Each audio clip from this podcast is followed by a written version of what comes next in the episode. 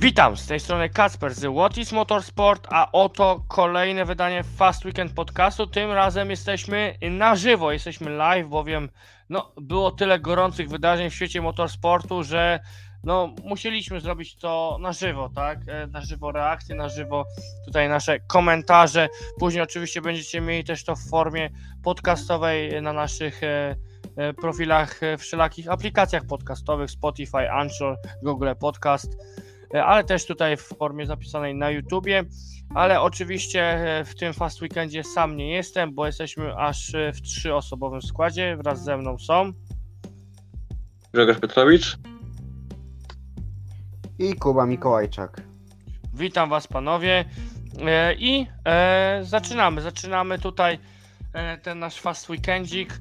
E, I od czego? Tego, co najbardziej wszystkich interesuje, czyli nowej ery Formuły 1. Grand Prix Bahrain na torze e, Shakir i e, no, spodziewaliśmy się wiele różnych rzeczy, ale wyszło jednak, że faktycznie te testy drugie w Bahrajnie nie blefowały. Faktycznie nie blefowały i tak jak wychodziło, że Ferrari, Red Bull i generalnie samochody z silnikami Ferrari będą mocne, też tak wyszło. Mercedes, który ma być trzecią siłą, też tak wyszło. McLaren, który może dołować i inne ekipy z silnikami Mercedesa, które mogą dołować, też również wyszło właśnie e, na ten status, jaki otrzymaliśmy tuż po testach w Bahrajnie. Także w tym momencie testy były wiarygodne, tak? E, ale no przejdźmy sobie do szybkiego kronikarskiego op- opisu wydarzeń, co mieliśmy. E, w sesjach treningowych e, najszybsze samochody z silnikami Hondy, czyli Pierre Gasly oraz Max Verstappen. Natomiast kwalifikacje, kwalifikacje to jest pole position Charlesa Leclerca, dziesiąte w karierze. E, Max Verstappen P2, a trójkę uzupełnił Carlos Sainz. Również e, niedaleko był e, Sergio Perez. E, dużym tutaj zawodem właśnie były postawy Williamsa, Astona Martina e, i McLarena. Tak e, w kwalifikacjach e, na też pochwałę zasługuje występ m.in. Kevina Magnusena czy też Walteriego Bottasa z Alfy Romeo. No i teraz szybciutko wyniki wyścigu. Zwycięstwo podwójne dubletem od pierwszy dublet Ferrari od Singapuru 2019 i też pierwsze zwycięstwo od tego Grand Prix. Charles Leclerc przed Carlosem Sainzem juniorem. E, trzecie miejsce Lewis Hamilton. Czwarte miejsce w debiucie w Mercedesie, w takim redebiucie w zasadzie, bo on już raz startował w barwach Merca. George Russell.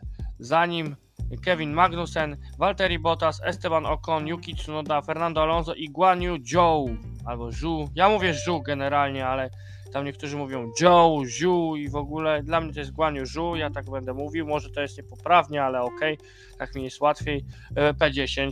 Za nim Mick Schumacher, Lance Alex Albon, Daniel Ricciardo, Lando Norris, e, Nicolas Latifi i Nico Hulkenberg jako ostatni, który przekroczył linię mety. Nie ukończyli e, Sergio Perez, Max Verstappen i Pierre Gasly, wszyscy z defektami no prawdopodobnie jednostki napędowej Hondy. E, I tak, e, zaczniemy sobie omawiać plusy i minusy dla zawodników, ale pierw chciałbym Was spytać o sam odbiór wyścigu i całego weekendu. Czy nowa era jest dla Was e, pozytywnie odbierana, czy jednak e, stara bida, jak to mówią? E, Kuba? E, Moim zdaniem e, regulacje techniczne, te nowe, które się pojawiły wraz e, z tym sezonem, sprawdziły się. Zawodnikom e, wyraźnie było widać, że e, mogą jechać bliżej siebie i że sprawia im to o wiele mniejsze trudności niż to, co było chociażby rok temu. Także ci odpowiedzialni za zmiany techniczne, którzy ci to analizowali po godzinach, sprawdzali, czy to ma sens, jak najbardziej zdali egzamin. Okej. e, Grzegorz, e, co sądzisz właśnie o starcie tej nowej ery? E, Pozytywnie czy wow. negatywnie? Wow, tyle mogę powiedzieć. Oczywiście weźmy też pod uwagę to, że mm, tor w Bahrajnie też sprzyja ogólnie takim pojedynkom, y, no szczególnie takim, które mieliśmy między Charlesem Leclerciem a Maxem Verstappenem, to takie pojedynki tam, szczególnie w tej pierwszej sekcji toru, to, no, to jest wręcz wymarzone miejsce takiego, tego typu rzeczy. I ogólnie też y, takie tasowanie się w stawce, to też jest coś, co na tym torze możemy uświadczyć często, szczególnie odkąd mamy tą erę turbohybrydową, ale i tak, i tak, no weźmy pod uwagę chociażby jeszcze to, że ta stawka była faktycznie miejscami zbita, ona się nie rozjeżdżała aż tak jak dawniej. Oczywiście cały czas, no po około 30 kółkach już mieliśmy Ricardo zdublowanego, tak samo były dublowane właśnie McLareny, Williamsy i tak dalej, a no pod, już pod koniec wyścigu tam znaczna część stawki była zdublowana, ale jednak y, no, ta stawka nie była aż tak rozbita, to jest raz, dwa, że tych pit stopów było więcej, to też sprawiało, że no, jeśli jechałeś y, załóżmy dłużej, no to y, walczyłeś z tymi, którzy zjeżdżali przed tobą y, z czoła stawki. Jeżeli zjeżdżałeś z czoła stawki wcześniej, no to walczyłeś po drodze z tymi wolniejszymi kierowcami i tak było wielokrotnie. I no tutaj te, te, te elementy, element walki w tłoku no nam tylko też podkręcił ym, te emocje, więc naprawdę pierwszy wyścig i jest na plus. Ross Brown też już zdążył pochwalić ten, ten, ten pierwszy wyścig pod kątem widowiska, ale podobnie jak on, ja też będę tonował jednak te nastroje przed wyścigami właśnie w Arabii Saudyjskiej, na Imoli, na Węgrzech, w Hiszpanii, Monako, etc. No, e, ja też się podpisuję pod tym, że naprawdę fajnie to wyszło z tym startem nowej ery. Jest dużo więcej rywalizacji na torze, ta stawka jest faktycznie bardziej zbita.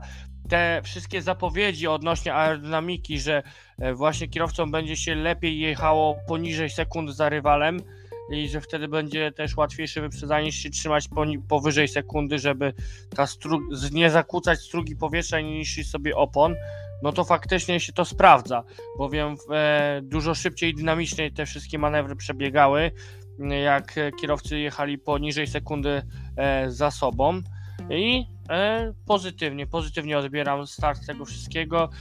E, Jest nowy układ sił, co też jest sporym powiewem świeżości dla całej dyscypliny, jaką jest Formuła 1, bowiem w ostatnich latach wystąpiła pewnego rodzaju stagnacja, jeżeli chodzi o układ sił a teraz takie nowe przetasowanie kart, nowa rzeczywistość, do której będziemy musieli się przyzwyczaić. Ja jestem jak najbardziej e, za. I teraz e, w sumie jak mamy tutaj takie nasze zdanie o tej nowej erze za sobą, to przejdźmy faktycznie do tych naszych klasycznych plusów i minusów, bo troszeczkę o tym będziemy mowa, e, czyli nasze, in, innymi słowy, oceny zaw- zawodników, oceny kierowców, tak? E, tutaj nawet e, poprawimy sobie e, plusy i minusy, jeżeli chodzi o efekty audiowizualne. No i tak, zaczniemy sobie od e, podium, czyli Charles Leclerc, e, Carlos Sainz oraz e, Lewis Hamilton e, i Kuba. Twoim zdaniem, e, ko, co komu dajesz? E, kto na plus, kto na minus z pierwszej trójki? Z pierwszej, plu- z pierwszej trójki na plus na pewno obaj kierowcy Ferrari, bo to jak włoska Scuderia odrobiła straty względem poprzedniego sezonu, to jest po prostu jedno wielkie wow. Widać, że Włosi dobrze przepracowali zimę i że włożyli w rozwój nowej konstrukcji sporo wysiłku i to zaowocowało y, dubletem w Bahrajnie. Tak. E, Ferrari, które pracowało dość długo nad tą nową konstrukcją, e, okazała się ona naprawdę skuteczna. Skuteczna ta praca, ciężka praca popłaca, jak to powiedział Carlos Sainz w wywiadzie tuż po przekroczeniu linii mety i e, się to sprawdziło. Dla mnie też Leclerc i Sainz na ogromny plus i jest to niebo a ziemia to, co Ferrari prezentowało w ostatnich dwóch latach, a to, co e, tutaj przywieźli do Bahrajnu 2022 i Lewis Hamilton, bo tutaj Kuba nie wspomniałeś o nim, też dałbym go na plusik, bowiem Hamilton no może jechał na takiej ziemi niczyjej przez większość wyścigu, ale e, no w kluczowej sytuacji, gdzie przeciwnicy mieli problemy, skorzystał jednak e, na nieszczęściu i pechu e, innych i stanął koniec końców na podium, więc cała trójka z podium na plusy. Grzegorz, podpisujesz się pod naszymi tutaj słowami? Tak, myślę, że też e, w dużym skrócie myślę, że można dać całej trójce plus oczywiście największe no, do tych e, tychże panów w czerwonych kombinezonach, którzy bardzo fajnie tworzyli sezon. Louisa Hamiltona też na pewno należy no, pochwalić. No, ten start, e, ten pierwszy weekend, to otwarcie sezonu faktycznie nie było tak proste, jakby się wydawało. Wszyscy mówiliśmy, że e, Mercedes m- wozi wory z piachem wszędzie, gdzie tylko się da. No, a potem jak przyjdzie do, do, do, co do czego, to w Q3 w Bahrajnie odpalą, y, odkręcą rakietę i będą lecieć. Tak się niestety nie stało, więc e, oczywiście mieli tutaj potem sporo pracy do wykonania w wyścigu. Sporo im na pewno pomogły no, problemy właśnie w Red Bullach, o których powiem pewnie później, ale tak czy inaczej wykonali, no myślę, że maksimum tego, co mogli zrobić, więc raz, więc y, Hamilton y, no też y, zrobił to, co mógł, raczej nie wiem, czy mógł cokolwiek zrobić więcej w tym aucie. Tak. E, Mercedes z problemami swojego rodzaju, natomiast e, no, Ferrari, no ja jestem zachwycony tym, co robi Ferrari, bo wiem, e, no dobra forma Ferrari to też jest spory zysk dla samej Formuły 1, bo Ferrari to jest taki, no teraz w nawiązaniu, że podczas gdy my to nagrywamy, jesteśmy na żywo, no to trwa takie El Clasico, tak, piłkarskie i w tym El Clasico występuje Real Madryt, no to bym faktycznie do takiej piłkarskiego Real Madryt bym przyrównał zespół Scuderii Ferrari, że to jest taka, taki zespół e, historyczny z wielkimi osiągnięciami, no i zawsze marketingowo lepiej, żeby taki wielki zespół e, się kręcił wokół wielkich sukcesów, niż jakoby dołował, więc e, cieszymy się, że Ferrari e, jakby stanęło, krok w przód zrobiło, a nie tak jak ostatnimi laty ciągle był ten krok w tył. No jeszcze brakuje tak właściwie do kompletu szczęścia marketingowego pewnie dla Liberty Media, żeby McLaren i Williams, tak, e, też zrobili krok do przodu, gdyż to są kolejne takie legendarne marki. Jeszcze też wypadało, żeby to Alpin e, było gdzieś tam e, w czołówce, no bo to też jest jakaś tam wartość no marketingowa, tak, dla brandu Formuły 1, ale Ferrari będące w walce o zwycięstwa, no to jednak jest spory, spory plus. I e, ucieszę, ku ucieszę właśnie e, marketingowców pewnie z Formuły 1. E, za podium znaleźli się m.in. George Russell, który jechał e, po raz e, drugi w Mercedesie, bo trzeba sobie o tym mówić, że tu już Bahrajnie też raz jechał w Mercedesie. George Russell jednak e, dam go na minus. Nie wiem, czy się ze mną zgodzicie, bo jednak e, George Russell nie, był tutaj nikim wybitnym. E, Popełnił błąd w kwalifikacjach, gdzie wydawało się, że powinien być nawet może zdziepko szybszy od Louisa Hamiltona. Popełnił błąd w kwalifikacjach, musiał to nadrabiać w wyścigu. E, Potem dojechał za samym Louisem w wyścigu, ale no bądźmy szczerzy, ten wyścig w wykonaniu George'a nie urywał, tak? E, Nie porywał nikogo. Więc Grzegorzu, jak myślisz? Chyba raczej minus, co? Em, może ja bym dał bardziej jednak neutralnie, y, no bo okej, był błąd w kwalifikacjach, tylko że też dla niego ten samochód jest nowy, w sensie, że ten zespół jest dla niego nowy, y, to jest dopiero drugi wyścig jego w karierze w tej ekipie, jednak też y, on potrzebuje trochę czasu, żeby się przystosować. Oczywiście on nie jest totalnym świeżakiem, y, im kimś, kto w ogóle jedzie pierwszy sezon w F1, ale jednak y, y, no ten zespół jest dla niego czymś w ogóle szokiem kulturowym. Więc ja bym tak może powiedział, że ten pierwszy wyścig jest taki neutralny, a do takich ostrzejszych ocen, ocen można przechodzić y, w dalszej części sezonu. Więc no taki neutral. Kuba, e, jak oceniasz George'a? E, Też neutralnie, w końcu był to jego pierwszy wyścig w Mercedesie już na poważnie, a nie z doskoku. E, Wyciągnął to, co mógł, czyli czwarte miejsce w tym wypadku. Jedyne, na czym musi popracować, to to, żeby w wyścigu być bliżej Luisa, bo tylko to można mu zarzucić. Weekend nie był ani dobry, ani zły i zrobił tylko to, co mógł, czyli dojechał bezpiecznie na czwartej pozycji. Tak. E, no i kolejne pozycje to jest m.in. Kevin Magnussen. Kevin Magnussen i Valtteri Bottas, czyli zawodnicy z jednostkami Ferrari w swoich bolidach, które no, mocno im pomogły w tych rezultatach przede wszystkim. E, dla mnie i Magnussen i Bottas to jednak są spore plusy i duże zaskoczenie jeżeli chodzi o ten weekend tu w Bahrajnie, bo jakkolwiek Haas e, troszeczkę nas przygotował e, tymi testami w Bahrajnie, że może być dobrze w ich wykonaniu, jednak Alfa Romeo aż takiego optymizmu nie dawała, a tu jednak, proszę bardzo, dwie Alfy w dziesiątce, przy czym Bottas e, blisko Mercedesa w kwalifikacjach, no i tutaj e, też pozycja w punktach, także e, no, oprócz tej walki, gdzie tam z tym Tsunodą było mu ciężko, no to generalnie Bottas cały wyścig, no i cały weekend na plus, tak samo Kevin Magnussen w, w mojej tutaj opinii. Kuba, czy się zgadzasz?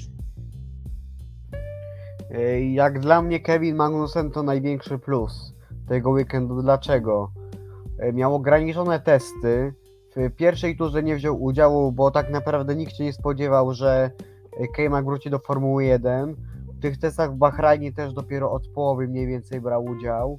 A wszyscy dobrze wiemy, że ostatni rok e, Kevin Magnussen spędził w prototypach. Jeź- Jeździł w IMSA, przygotowywał się także do jazdy do WEC wziął udział w jednym wyścigu serii IndyCar, gdzie nie poszło jednak mu zbyt dobrze. Na testach też odstawał, a tu nagle dostał nieoczekiwaną propozycję od Gintera Steinera, by powrócił do Formuły 1.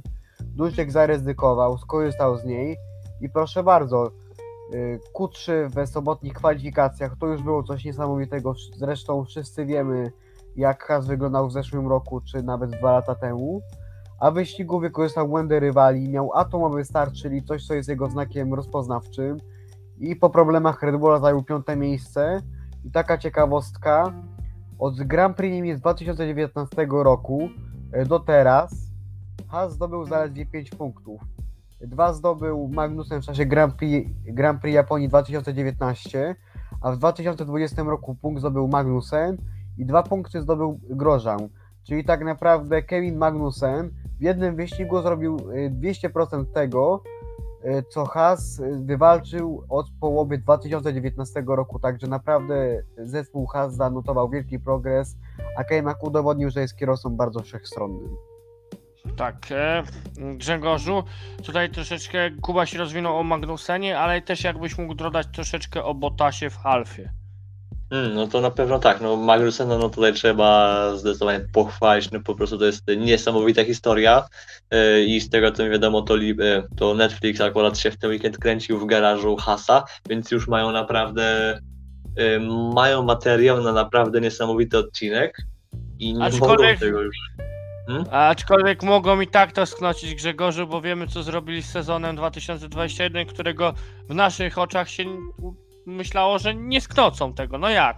Mają gotowy scenariusz e, prawdziwy z życia wzięty, żeby tylko go przerobić na 10 odcinków, a oni zrobili totalną porażkę, więc E, oni mogą zrobić wszystko.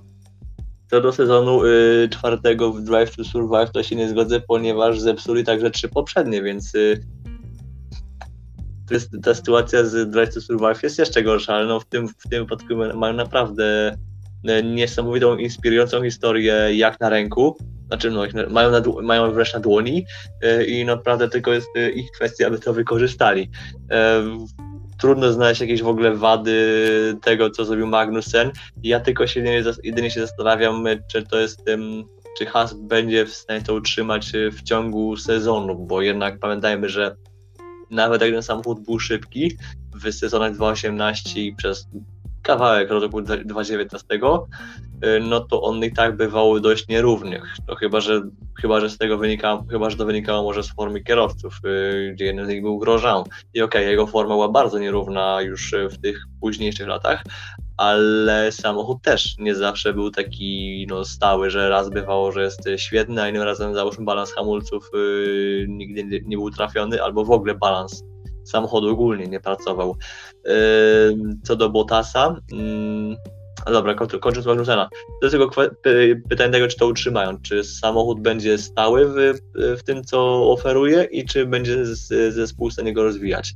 Co do Bottasa, to no właśnie nie wiem, co tu powiedzieć, no bo start był totalnie zawalony, był zepsuty totalnie i no tylko dzięki temu, że w dalszej części był w stanie jakoś e, Bottas zadbać o opony w miarę y, oraz no też e, dzięki temu, że Alfa no była dzięki temu, że ma silnik Ferrari była w stanie dobrze wyprzedzać e, rywali, no to tylko dzięki temu jakoś uratowali punkty.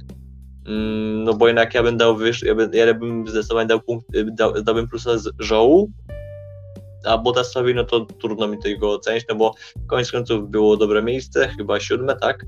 No ale jednak E, mogło szóste. być chyba lepiej, szóste. No to mógł, Tak. y, myślę, chyba mógł pokonać nawet Russella, gdyby nie ten zepsuty start. I jednak, O, y, proszę.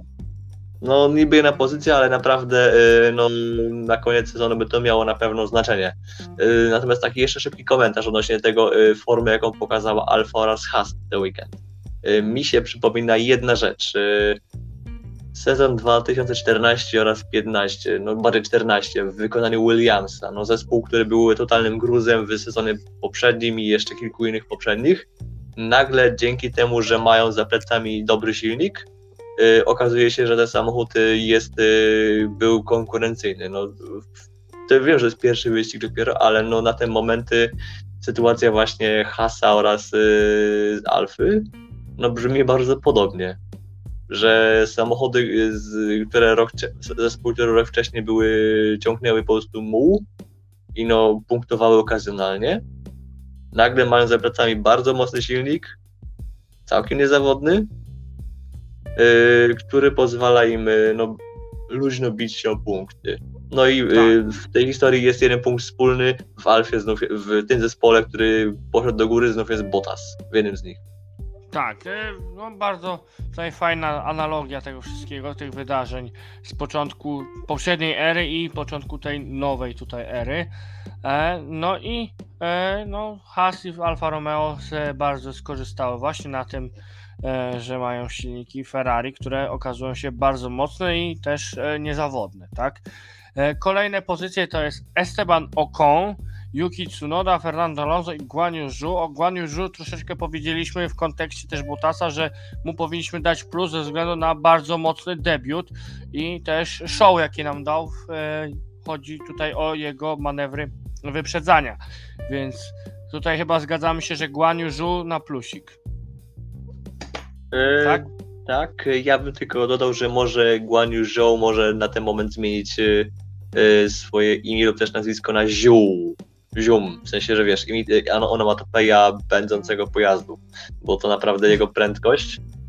Y, Tam chyba jedynym, jedynego jakimś jego błędem było tam, y, że w pierwszym zakręcie, na pierwszym okrążeniu y, jakoś, mm, nie wiem, jego samochód na moment zdechł, czego nie pokazały do końca kamery, tylko było takie minimalne ujęcie z helikoptera i tam wtedy jego samochód naprawdę bardzo mocno zasnął, w, tak na sekundę, ale tak, to no, mimo tego, że ten start był trudny dla niego, no to nie ten, nie popełnił żadnego większego błędu. Ja jestem, y, ja jestem pod jego wrażeniem, tylko mam nadzieję, że to nie będzie kasus Tsunody z zeszłego roku. Oby nie. E, Kuba, czy się zgadzasz z plusem dla Guan Yu Zhum albo Zhu, no, albo Joe, jak to mówią niektórzy na niego? Oj, zdecydowanie. E, Przed sezonem na Chińczyka spadł wielki hejt, że wykupił miejsce Antonio Giovinazziego czy nawet Oscarowi Piastriemu. A tu się okazało, że Chińczyk pojechał bardzo dobry wyścig jak na debiut. Jechał odważnie, nie bał się wyprzedzać, ale też za bardzo nie ryzykował, nie popełniał błędów. Można powiedzieć, że jechał idealnie, tak jak się oczekuje od debiutanta. Czyli po prostu miał y, się uczyć, ale też dowieść dobry wynik. I myślę, że wielki plus naprawdę mu się zależy. Zwłaszcza, że jeżeli chodzi o sytuację przed restartu, to on jechał na 13 pozycji. I z tej 13 pozycji awansował na 10. To o czym świadczy, że y, Guan Yu, jeżeli y, jeszcze delikatnie poprawi swój racecraft, będzie unikał takich błędów jak na starcie, gdzie zgasł, to myślę, że będzie podgryzał Bottasa. O proszę, ciekawe tutaj zdanie Kuby. E, teraz y, też jeszcze chciałbym poruszyć tych trzech przed Guan Yu, czyli Ocon, Tsunoda i Alonso. Ocon e, mnie pozytywnie zaskoczył, bo jest lepszy niż Alonso w tym wyścigu, więc dałbym mu plusik, pomimo tego tam minimalnego incydentów na początku. Alonso jednak e, minus, bowiem no miał być L-plan, a nie ma L-planu. Miał być też gorzej, ale dobra, no Alonso to jest jednak dwukrotny mistrz świata, trzeba od niego wymagać troszeczkę większych rzeczy, dlatego minus. No i Tsunoda, no to co, no jedyna nadzieja Hondy w tym wyścigu, tak, na punkty e, plus, tak. bowiem inni z Hondą e, no nie, nie, domagli, nie, mog, nie domogli i nie dali rady dojechać. Także Ocon plus, Tsunoda plus i Alonso minus to jest e, mój status, moje oceny. E, Kuba, jakie są twoje? E, Na pewno Yuki Tsunoda udowodnił, że lubi ten tor. W końcu drugi rok z rzędu punktuje tu w Formule 1. W tym roku zajął ósme miejsce. I tak naprawdę był, jak wiemy, jedynym kierowcą Hondy, y, który dojechał do mety. Także miał wielkie szczęście, że to akurat nie jego silnik padł. Tak jak y, miało to miejsce z Perezem, Verstappenem i Gasly. Co do, do kierowców Alpine, to widać, że jest jakieś światełko w tunelu, ale chyba ten L-plan do końca nie zadziałał. No, ewidentnie nie zadziałał. Grzegorz, zgadzasz się z tym? E, no na razie L-plan należy nazwać L-S coś tam. No bo to... Okej, nie, nikt nie oczekiwał na razie od razu walki o mistrzostwo. Już w pierwszym sezonie, no w pierwszym sezonie nowych przepisów. Ale jednak sytuacja, w której zespół walczy zaledwie o punkty. I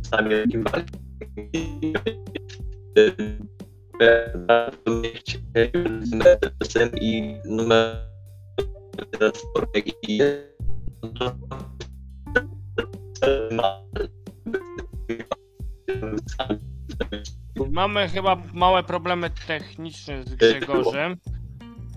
E, tak, e, tutaj. No tutaj L-plan, L-plan, który troszeczkę e, no nie domógł w Alpin, więc zobaczymy jak to będzie e, z Alpin w kolejnych wyścigach, ale aczkolwiek wiedzieliśmy, że e, no mogło być też zdecydowanie gorzej, mogło być bez punktów dla Alpin, a okazuje się, że to Alpin było lepsze niż czy to taki e, no e, czy to taki McLaren, czy to taki Aston Martin, tak? E, no i e, przechodzimy właśnie sobie do, e, do tych miejsc poza dziesiątką. E, najpierw szybko Mick Schumacher, ja jednak też daję go na minus, bowiem no odstawał od Kevina Magnusena, który miał mało czasu i to dość sporo. E, Jeżeli Haas faktycznie ma dobrą konstrukcję, to wypadałoby, żeby ten Mick Schumacher e, troszeczkę szybciej jeździł. E, Kuba, zgadzasz się? O i prawda, MIG teraz będzie weryfikowany, zwłaszcza, że jak wiemy w zeszłym roku trafił mu się no, partner do bicia. Tak w tym roku, jak już powiedzieliśmy, K-Mac to jest jeden z najlepszych kierowców w stawce i to nawet po przerwie, więc to działa na niekorzyść Niemca, że znając zespół y, już, y, mając y, wkład w rozwój maszyny na rok 2022, mając przez rok dostęp do symulatora i tak dalej, że Kevin Magnussen, który przez rok tak naprawdę chociażby w autobiografii wyśmiewał Hasa, mówił, że to jest zespół amatorów, że tak naprawdę on nie chce już do Formuły 1 wracać, wrócił i co zrobił? Zajął piąte miejsce, a z kolei Mick Schumacher, dobra, y, Esteban Ocon zawinił w y, kolizji na pierwszym okrążeniu, lecz potem Mick przepadł. Tak naprawdę poza tą szaloną końcówką nie było szans na to, żeby zdobył punkty. To o czymś mówi, więc młody Schumacher ma co poprawić, zwłaszcza, że Kevin Magnussen to partner bardzo wymagający i Schumacher nie może sobie pozwolić na to, by Magnussen go zdominował, bo to prawdopodobnie przekreśliłoby jego dalszą karierę. Tak. E, e, Grzegorz, jeżeli już nie masz problemów technicznych, Hmm. to co sądzisz o Schumachera? Schumacherze? No właśnie. No okej, z jednej strony była ta kolizja, ale naprawdę trudno, trudno coś pozytywnego powiedzieć na jego temat. Naprawdę, to jest. Mm, No i Jakby- to jest mocna opinia. Trudno powiedzieć coś Eee. dobrego. No, y, bywa dla niego pobłażliwy, ale jednak mm, no, dostać y, baty od y, kierowcy, który no, był przez rok poza, poza F1, który oczywiście cały czas regularnie się ściga na, bardzo, na, na mega wysokim poziomie. y, no ale jednak dostać batę od kogoś, kto miał spędził znacznie mniej czasu w, za kierownicą F1, F1 przez ostatni rok, który e, zna w ogóle znacznie słabiej zna opony, no bo hej, e, Mick Schumacher mimo wszystko, że Haas jeździł, czym jeździł w zeszłym roku, to jednak miał okazję też sprawdzić opony zeszłoro, no, nowe, tegoroczne, na zeszłorocznych konstrukcjach, więc y, no, no, no nie nic go nie broni w ten weekend za bardzo, poza tą kolizją z Okonem. i jeżeli tutaj Grzegorz się wypowiada w krytycznym tutaj zdaniu odnośnie kogoś, no to znaczy, że chyba chyba sobie prze, prze, przesrał, tak właściwie można sobie to powiedzieć, tak? No aż tak to może nie, ale no można być... Prze, przegiął, można być przegiął na pewno, tak, przegiął o, znaczy, e, i może min, nie minus. dostarczył, o, nie dostarczył Tak. może.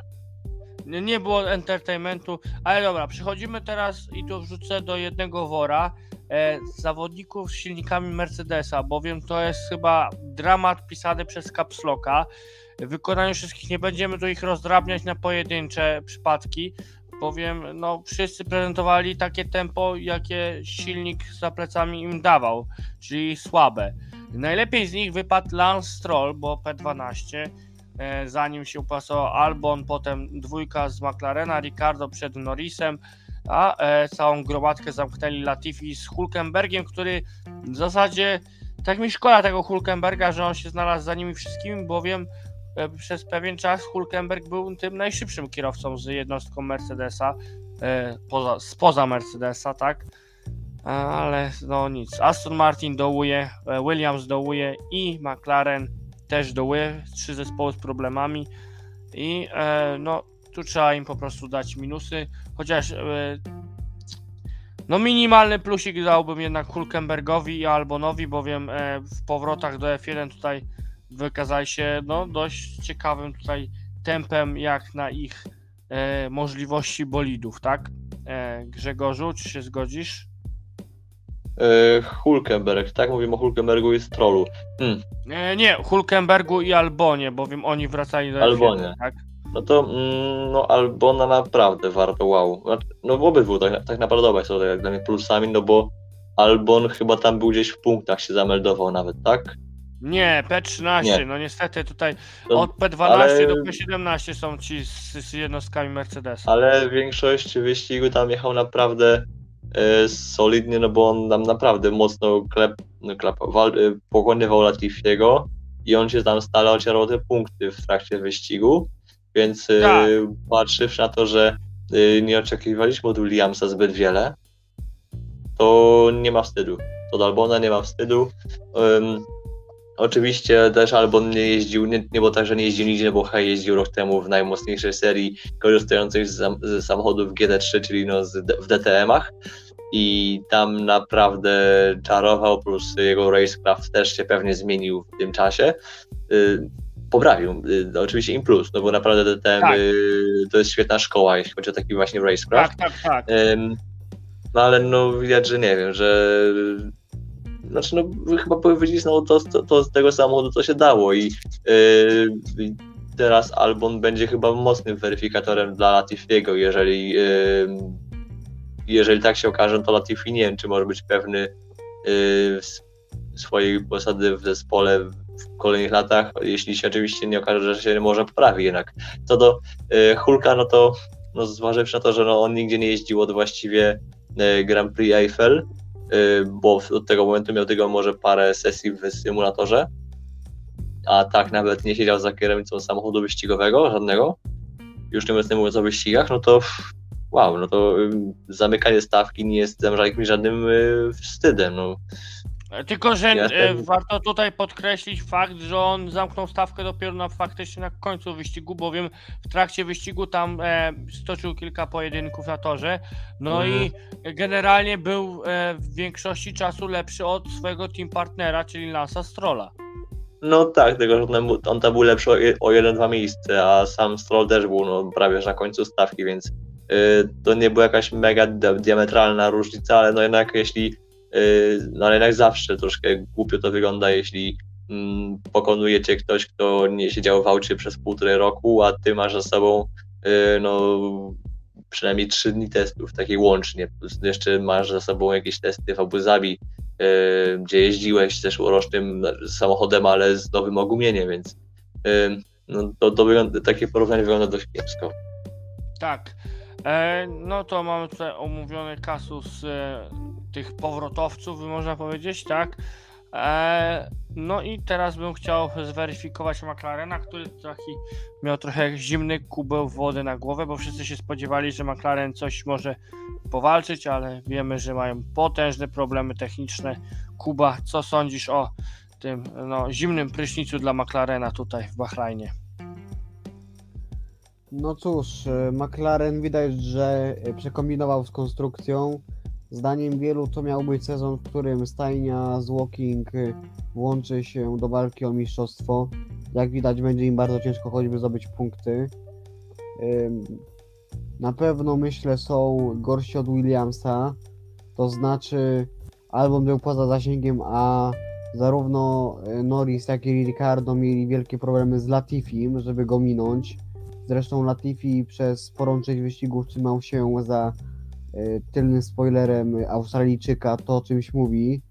Więc jeżeli oni czegoś nie wymyślą, to będzie ciężko. Ciężko widzę ten sezon i myślę, że jeżeli zdobędą jakiekolwiek punkty, to będą, myślę, czerwoną latarnią, albo w sensie nie będą ostatnim os- zespołem, ale myślę, że ósme miejsce w klasyfikacji generalnej to będzie szczyt.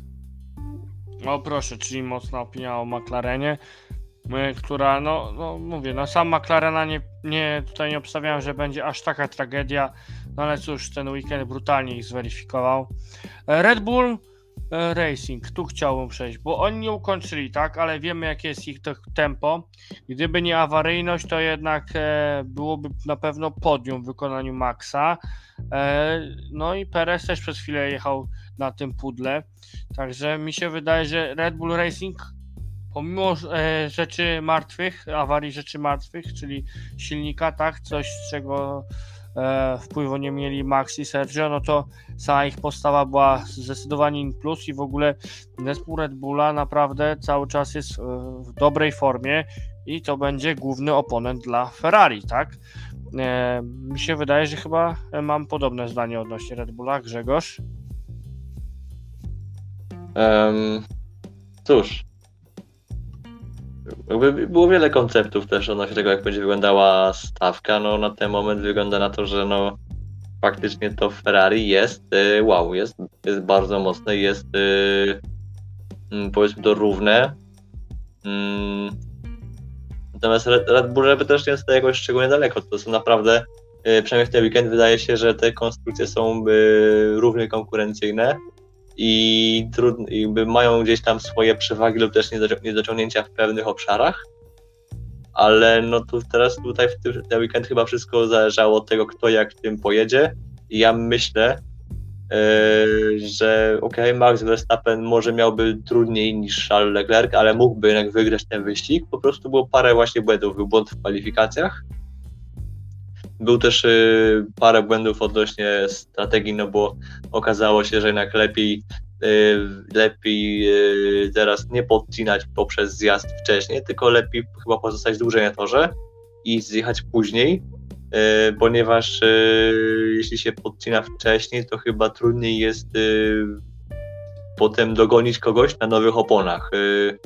Na takich zupełnie świeżych, o, że trudniej sobie od, od, urwać troszkę tej staty. Chyba łatwiej, troszkę łatwiej jest y, dłużej pozostać na torze i kręcić mocne czasy, yy, przycisnąć kółko lub też dwa i zjechać potem i bronić się przed yy, no, zawodnikiem, którego, zawodnikiem, którego potencjalnie w ten sposób wyprzedziliśmy. Tak. Kuba e, też chyba podzielasz nasze zdanie, że Red Bull e, jest na tym poziomie co Ferrari i po prostu e, no, rzeczy martwe tutaj e, no, e, były złośliwe dla Red Bulla, tak? W końcowym rezultacie. Zgadzam się, widać, że mają tempo, tylko muszą poprawić yy, niezawodność. Tylko do Tak. tego można się przyczepić. No i Pierre Gasly też e, do momentu, kiedy mu nie wystrzeli silnik, też e, dobre tempo prezentował. Na takim miejscu by dojechał w okolicach, tak jak dojechał Yuki Tsunoda ostatecznie. E, na szybko Driver of the Weekend z F1 i tu dosłownie na szybko jedno nazwisko podajemy e, i no powinni wszyscy wiedzieć o co chodzi. E, Ja daję Charlesa Leclerca. Kuba? A ja pójdę w Kevina Magnusena, bo to co zrobił K-Mac to rzadko kiedy się zdarza i tak naprawdę jedynym kierowcą w ostatnich kilku latach, który zaliczył podobny powrót to Alex Wurz, który podczas Grand Prix San Marino 2005 zajął trzecie miejsce w bodaj McLarenie. I e, Grzegorz, nazwisko? E, skoro Leclerc, a Kuba daje Żoł, nie, Magnusena to ja daję Żoł. O proszę, no i mamy komplet. E, No bo i naprawdę debiut y, był bardzo mocny. Mi Tak. się spodobał. E, Teraz e, e, szybki tutaj wycieczka do tego, co się działo jeszcze w Bahrajnie, tylko że w tych mniejszych nieco seriach, tak? Czyli oczywiście to jest mowa o F2 i F3. E, No i zaczniemy sobie od, od F3, tak? Czyli tej mniejszej kategorii. W F3 tutaj zwycięzcami Hadjar oraz e, Hadjar, który nie miał szczęścia w drugim wyścigu i Victor Martens. Tutaj e, w drugi wyścig to przede wszystkim popis Franco Colapinto i Artura Leclerca. E, Z kolei pierwszy wyścig to e, zdecydowanie Oliver Berban, który zasługuje na tutaj cały tutaj bas. Naprawdę dob- dobry wyścig w jego gdyby nie kara za track limity. I e, mi się wydaje, że właśnie gwiazdami F3 będą trzy nazwiska. Kuba e, Berman, do tego bym dorzucił właśnie Artura Leclerca oraz e, Franco Colapinto. Gdzieś tam też może się kręcić e, Victor Martens, ale e, jednak ta trójka mi się wydaje, że będzie taka najmocniejsza. A ja się nie zgodzę. To znaczy uważam, że Victor Martin y, będzie czołową postacią w tym sezonie, ba zostanie mistrzem Formuły 3. To on już w tamtym roku wielu zaskoczył. W końcu y, zapytam was, czy rok temu byście obstawiali, że to akurat Victor Martin będzie debiutantem roku w Formule 3? No był sporym zaskoczeniem, ale no, w tym sezonie będzie się od niego też wymagało pewnych rzeczy, tak jak na przykład od Artura Leclerca, tak? E, Czyli jeżeli oni nie będą w stanie osiągać pewnych rzeczy, no to tak jak tutaj w tym drugim wyścigu, tylko będą jeździć nie wiem, poniżej jakiegoś poziomu, no to będzie od razu na nich spadał hejt. Mm, Też prawda. Martin musi udowodnić, że to co było rok temu to nie jest dziełem przypadku. Zresztą y, sezon temu y, do końca walczył o drugie, y, o trzecie miejsce w klasyfikacji kierowców Formuły Tak. 3. Trochę spaprał ten ostatni weekend, więc ma troszeczkę do poprawy, ale myślę, że będzie w tym sezonie mistrzem i mówię to otwarcie, że biorę to na siebie, ale możecie e, nawet zrobić screena, zapisać wideo, ale Victor Martin będzie mistrzem Formuły 3 w 2022 roku. I jeszcze być może dodałbym Gregora Susi, czyli aktualnego mistrza Freka, gdzie w tym sezonie będziemy mieli dwóch Polaków, bo Szwajcar jest szybkim kierowcą, ale no co pokazał pierwszy wyścig, musi nad sobą popracować, bo już nawet w zeszłym roku we Freka miał tak, że wpychał się tam, gdzie nie było miejsca. W sobotę skończyło się to skasowaniem Wiktora Martena i zakończeniem wyścigu dla obu zawodników.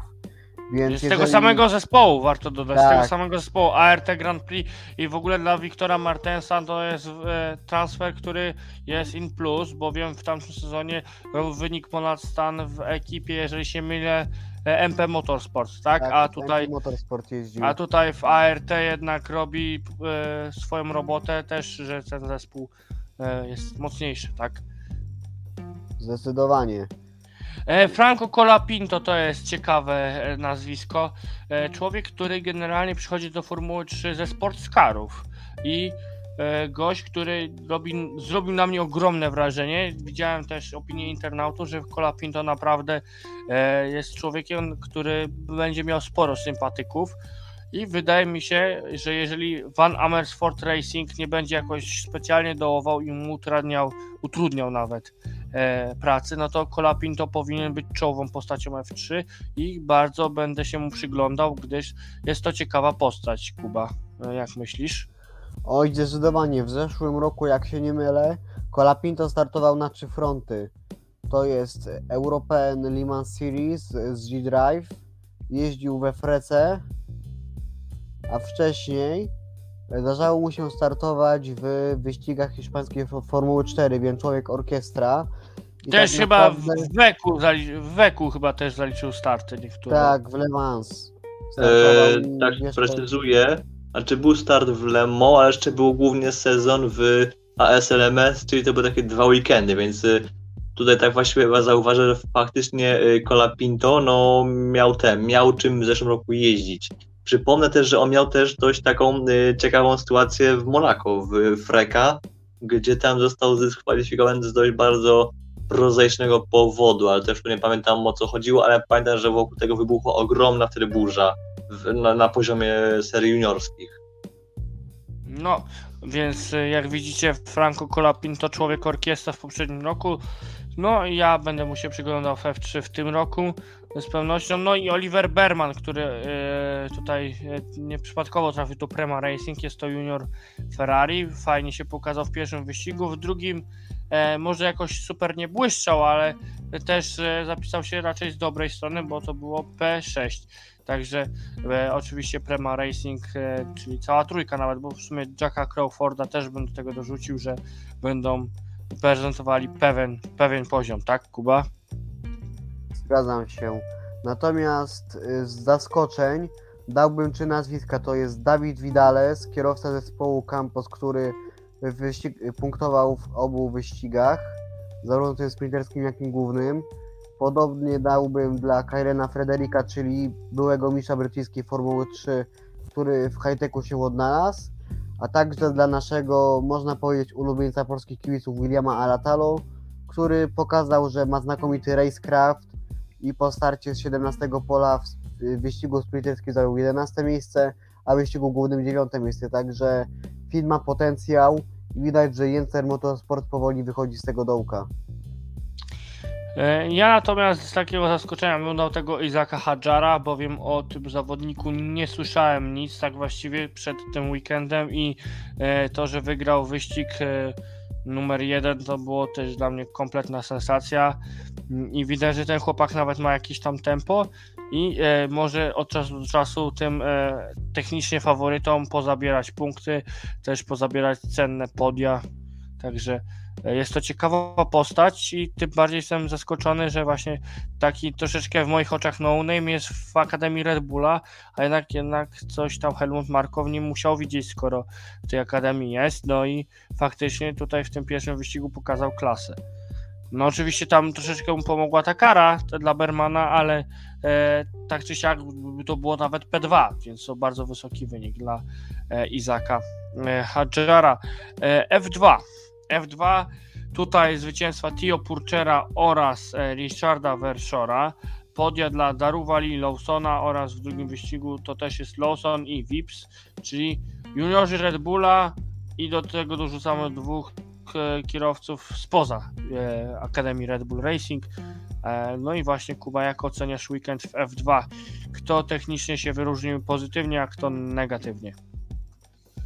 E, Z pozytywnych kierowców to na, to, na pewno Ayumu Iwasa. E, Po kwalifikacjach zgadzam gdzie się popełnił, e, głupi błąd. Na trzecim zakręcie wpadł żwir, nie mógł wyjechać. Chłopak startował z końca stawki i co robi? Przebija się na i to kilkanaście pozycji. W sprincie był ósmy, w wyścigu głównym jechał po szóstą pozycję, ale na ostatnim okrążeniu w jego bolidzie doszło do jakiejś usterki, przez co spadł na ostatnie miejsce. Więc naprawdę szkoda, że tak się to skończyło, gdyż Iwasa, biorąc pod uwagę to, że tak naprawdę ono dopiero półtora roku ściga się na poważnie, bo przed 2020 rokiem przyjechał tylko 6 wyścigów, bardziej się skupiał na zdobyciu stypendium Hondy elitarnym cyklu y, Suzuka Racing School.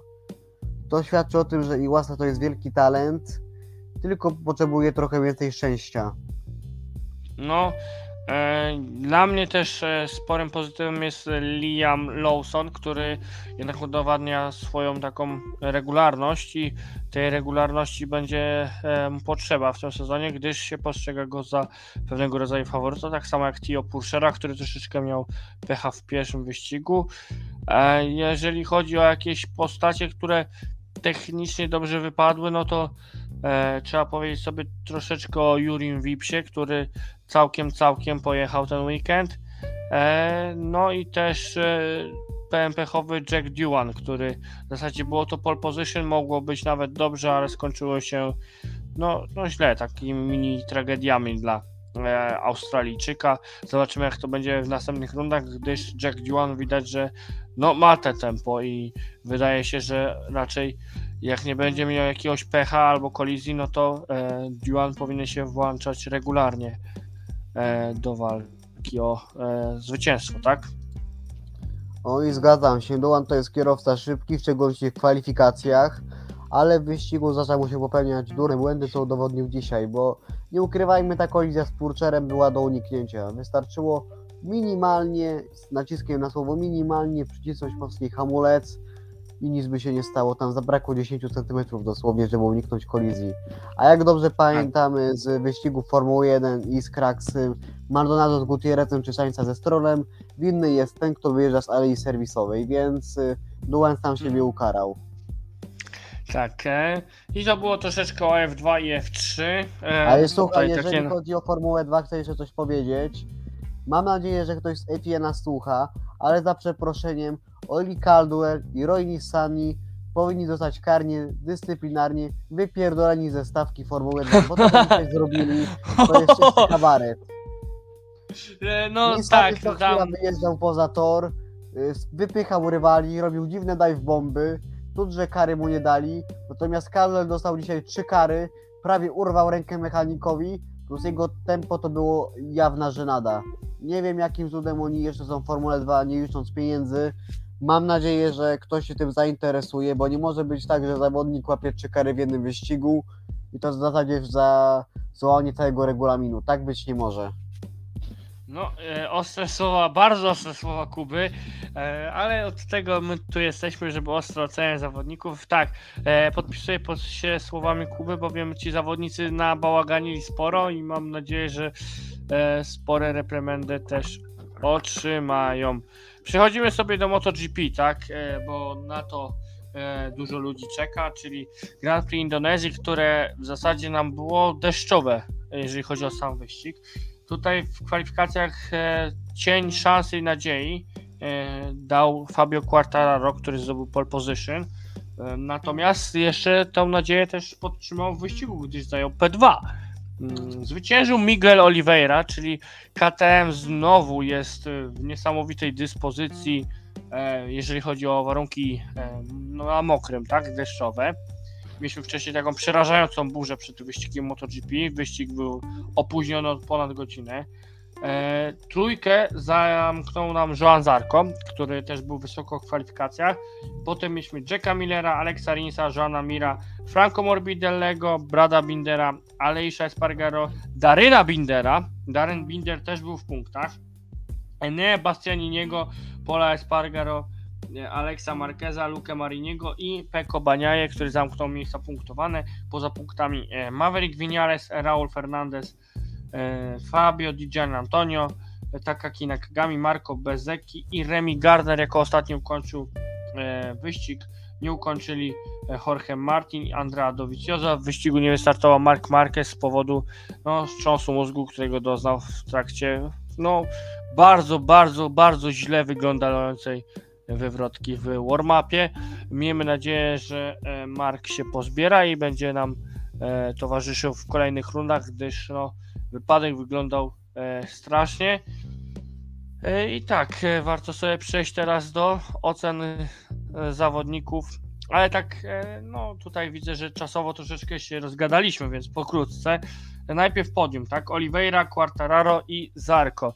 Wydaje mi się, że Oliveira to zasługuje na gigantycznego plusa, gdyż po raz kolejny udowodnił, że KTM ma to coś w deszczu. Quartararo wyciągnął wynik ponad stan, czyli też potężny plus.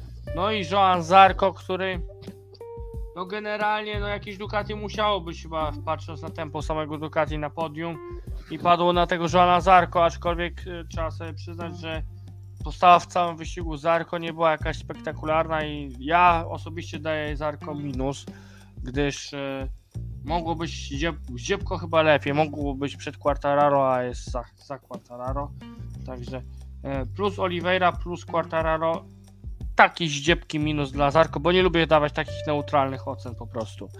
E, Grzegorzu, jaka jest twoja Hmm. opinia odnośnie? E, no Oliveira to jest zdecydowanie plus, tutaj nie ma co z tym, y, nie ma co, no trzeba z tym po prostu handlować, że był dzisiaj świetny.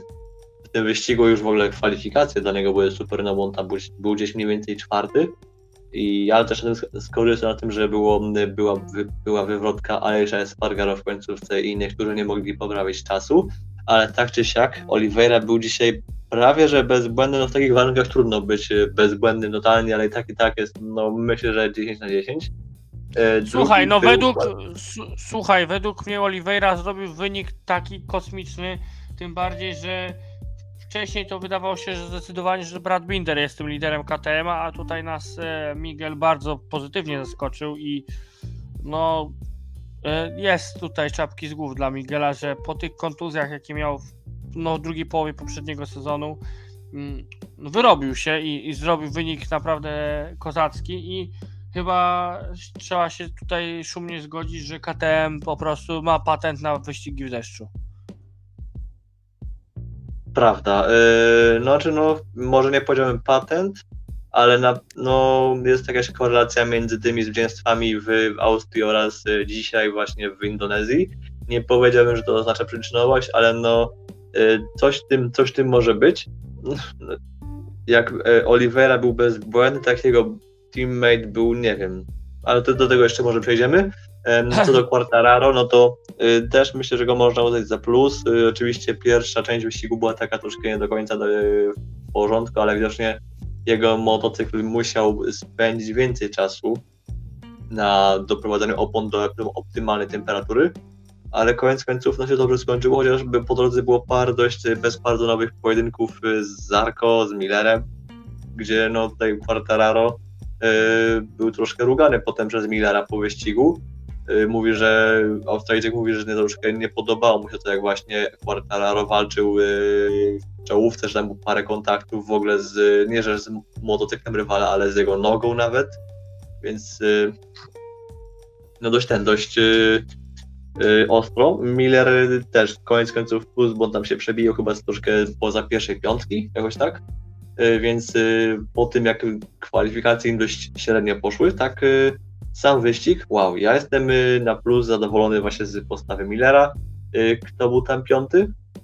E, jeżeli chodzi, e, tutaj wyhamujmy, jeżeli chodzi o Zarko to daje minus, a jeżeli chodzi o Jacka Millera w sumie daje mu minimalny plus, aczkolwiek byłem zawiedziony, że on jechał tak zbyt zachowawczo, bowiem widzieliśmy, że tam e, no, e, jechali jak jeźdźcy bez głowy, tak? Quartararo, czy to Oliveira, czy to Zarko, e, kładli się normalnie w zakrętach, jakby było sucho, a Jack Miller jednak jechał tak troszeczkę zachowawczo. Wydawało się w pewnym momencie, jak tam się broni przed tym Quartararo i Zarko, że to może być jakaś metoda na utrzymanie pozycji, ale koniec końców spadł za nich. Także Jack Miller plus, ale to jeszcze nie jest to, czego bym oczekiwał od Jacka Millera. Tak bym tutaj to uznał. A Zarko No e, tak, no też E, pytałeś pod uwagę że warunki były trudne jednak. E, I okej, jedni mogli e, schodzić na kolano oraz nawet na łokieć, no ale też każdy motocykl motocyklowi nierówny, nawet jeśli masz Ducati fabryczny oraz, oraz Pramaca, to w tym roku jest, e, tam są różnice pewne, bo się okazuje, że chociażby no, Zargo korzysta z troszkę innego silnika niż e, Miller i Baniaja, e, że na Pramakach ten silnik wygląda inaczej niż na fabryce. Nie wiem, czy to lepiej, czy gorzej, no po prostu są inne specyfikacje i też to ma wpływ na to, jak motocykl się prowadzi potem w zakrętach oraz wszędzie, więc tego tru- trudno to tak do jednego porównać. Nawet nie można mówić, że, że skoro e, Miller i Baniaja robią takie wyniki i takie, to nie można wprost wymagać od tego samego Zarko i Martina, ponieważ oni nie mają tego samego sprzętu, mają inny silnik chociażby i to już zmienia wiele. Okej. W ogóle Kuba, jakie ty masz zdanie odnośnie tutaj e, trójki, nawet w sumie czwórki, bo pod, podpięliśmy tutaj też Jacka, Jacka Millera. No, generalnie pierwsze zawody historii na torze Mandalika były bardzo ciekawe nie tylko ze względu na rywalizację. W końcu co chwila z trybun śpiewano hymn narodowy, czy także zrobiono paradę. więc to było coś takiego nieoczywistego, coś co rzadko kiedy widzimy. Więc już takich innych akcentów Grand Prix Indonezji po powrocie, zwłaszcza, że dawniej jeździliśmy na torze w Sentul, sprawiło, że z uśmiechem na twarzy będziemy wspominać te zawody. Na tak, plus- jak najbardziej. Na plus jest tak, że mieliśmy tylko jedną wywrotkę w tych ciężkich warunkach Jorge Martina. To Co jest w ogóle sensacją, to jest sensacja, sensacja, sensacją w tym wyścigu, gdyż no jeżeli są e, warunki takie e, no skrajne, jak tu mieliśmy deszczowe, e, woda stojąca na torze, no to jednak wiemy tutaj z autopsji, tak, z oglądania tutaj wyścigów bardzo długo, wiele lat, że raczej te warunki deszczowe równa się duża ilość wypadków i to czasami takimi e, wiążącymi się z jakimiś urazami, a tutaj tylko ten Jorge Martin, e, no no ten nieodżałowany Mark Marquez, tak, który się wywrócił w sumie nie w deszczowych warunkach, ale też się wywrócił, no to jednak e, tak, e, tutaj było dość bezpiecznie, ale Kuba kontynuuj myśl wtedy. Organizatorzy wyścigu, włodarze toru sprawili, że nawierzchnia była odpowiednio nagumowana i to myślę, że przez to uniknęliśmy chociażby Assen bodaj 2016, kiedy to Jack Miller sensacyjnie zwyciężył w strugach deszczu.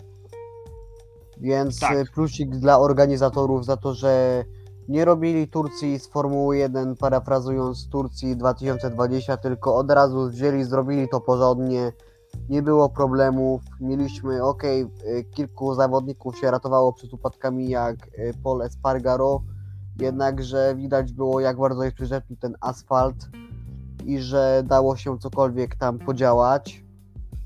Myślę, że na plus y, dałbym Daryna Bindera. W końcu debiutant. Ale by było podium omówiliśmy najpierw. Oliveira, Quartararo, Zarko i Miller. Co sądzisz o nich? E, Darren Bizer też się zgadzam, że na plus. I to ogromny. A to skoro Bo on tak, zrobił no to rewelację. Oliveira zrobił coś niesamowitego. Zresztą widać, że on woli bardziej takie techniczne tory, gdzie można e, różnymi metodami e, wyprzedzać rywali, gdzie można kombinować, nie trzeba jechać jedną linią. Quartararo zrobił piękny comeback, w pewnym momencie spadł bodaj na piąte miejsce, ale w końcówce wyścigu był w stanie te lokaty odrobić, za to wielki szacunek.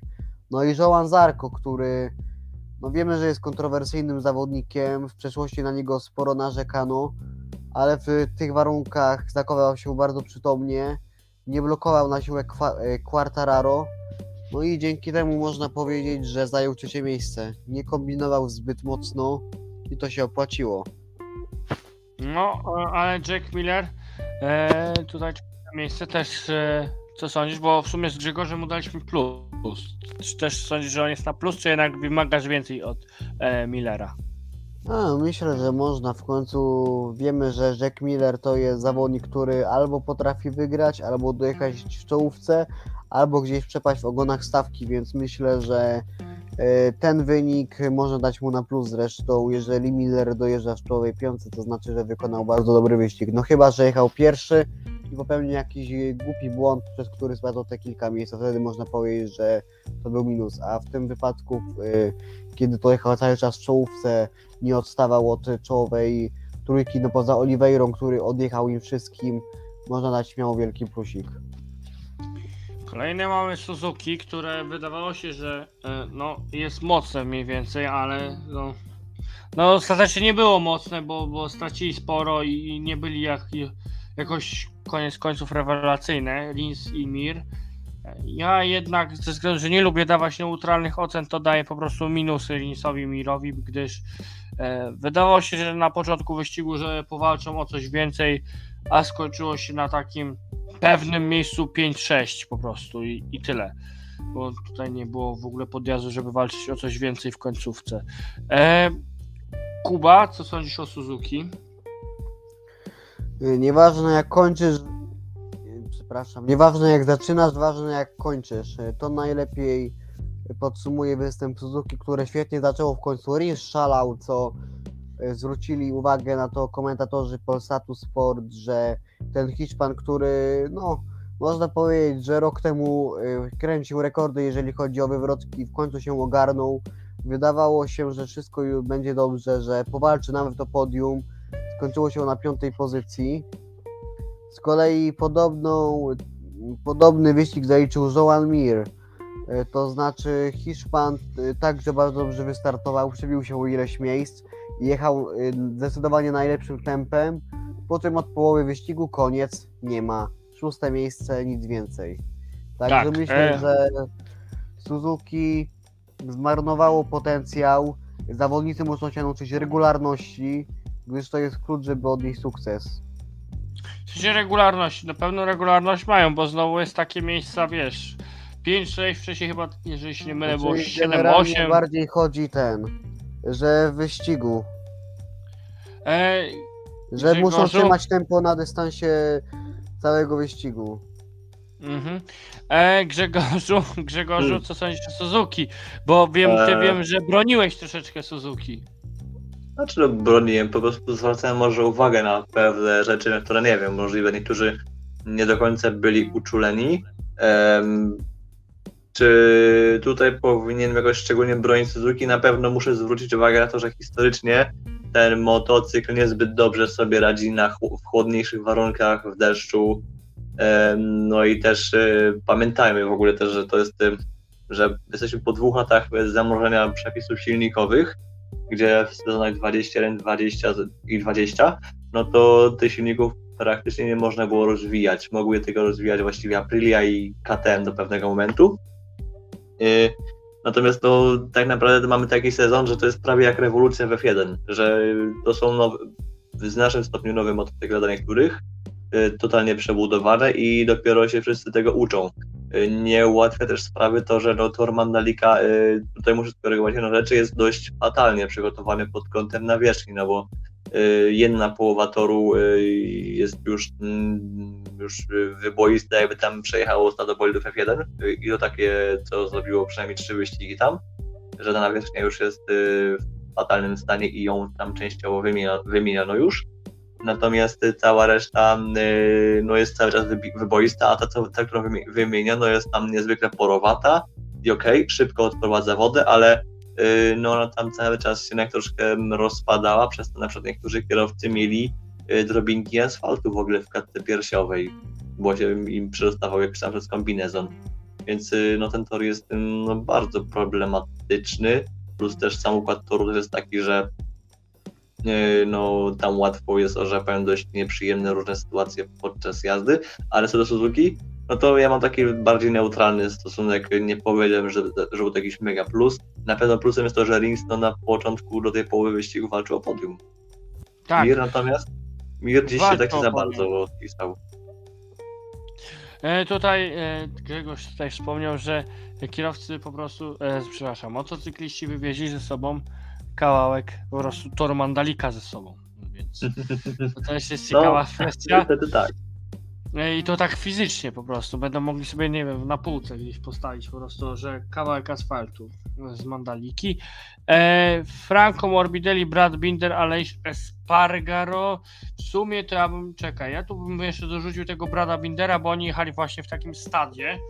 E, I tych właśnie z całej tej ekipki wesołej bym wrzucił. Tak, Morbidelli. Wydaje mi się, że jednak zdziebko więcej można było wymagać? Nie, nie, no nie dziebko więcej. Wiemy, że Yamaha jest tragiczna, także daję Morbidelliemu plus. E, Brad Binder jednak zawiódł w porównaniu do tego, co prezentował Oliveira. E, zaraz Grzegorz pewnie troszeczkę się rozwinie o Bradzie Binderze. Natomiast Aleix Espargaro generalnie całą Aprilię bym dał na minus w porównaniu do tego, co mieliśmy w Katarze. Aczkolwiek e, to z Grzegorzem już gadaliśmy o tym, że w Katarze po prostu mogło być dobrze dla Aprilia, a potem może być niekoniecznie. No, jest specyficzna e, Aprilia i będzie pewnie w tym sezonie, także, ale tutaj indywidualnie za ten wyścig daje po prostu minusy zawodnikom Aprilii. E, no i kogo jeszcze tu wymieniłem? Daryna Bindera, o którym już wcześniej Kuba wspominał. Daryn Binder oczywiście to jest gigantyczny plus, zrobił wynik ponad stan tym swoim motorem, także plus dla Daryna Bindera. E, No i Grzegorz, rozwiń swoją myśl o Bradzie Binderze, którą troszeczkę napomknąłeś. Nie wiem, co tu powiedzieć. Nie wiem, co się stało, że E, dzisiaj było totalnie odwrotnie, że teraz to sobie, teraz Oliveira był super, a Binder sobie nie poradził. No, wygląda na to, że motocykl KTM może być niezbyt e, równy, stały e, w formie, że raz dla jednego zawodnika jest super, raz dla innego jest niedobry. No, trudno tutaj powiedzieć, e, czy czasem właśnie Binder chyba on nie miał historycznie, znaczy dawniej, gdzieś w przeszłości nie miał właśnie problemów z jazdą na deszczu. Tutaj tego nie jestem pewien. E, Ale patrz, jakieś... No wygrywał tak, tak, ale, nie, ale e, dawniej, chodzi mi o bary czasy typu Red Bull Rookies Cup, Moto3, a, takie już zamierzchłe to bardzo czasy, które, które no ja jeszcze pamiętam, e, ale no to są to już e, jest odległa przeszłość. I no właśnie nie wiem, z czego to mogło wynikać. Możliwe, że nie trafili z ustawieniami na deszcz? Tak też się zdarza. Bardzo E, no- możliwe, aczkolwiek wiesz, ten deszcz wszystkich zaskoczył, bowiem wiesz, Moto 2 i Moto 3 jeszcze się toczyło w normalnych warunkach, a potem nagle ta wielka burza była. No tak, no więc tutaj, no dobra, no koniec końców po prostu jednak chyba bardziej dla Bindera jednak niestety minus, ale wiem, że, no, że zrobił chyba co mógł, no bo jednak no hej, y, to nie jest tak, że zawodnik robi specjalnie takie złe wyniki. Tak, to było e, dziwny tutaj kasus. Darren Binder, tutaj dla ciebie to Kuba nazwisko zostawiłem, gdyż już troszeczkę wspomniałeś o nim. No to jest jednak ogromny plus, tu trzeba e, powiedzieć i wyróżnić tego zawodnika, tak? Zdecydowanie, no. Tak, trzeba, trzeba. W końcu Daryn to jest jeden z tych zawodników, który przesiadł się z Moto3 do MotoGP, a już jak wiemy, przeskok z Moto3 do Moto2 jest trudny, co dopiero z Moto3 do MotoGP.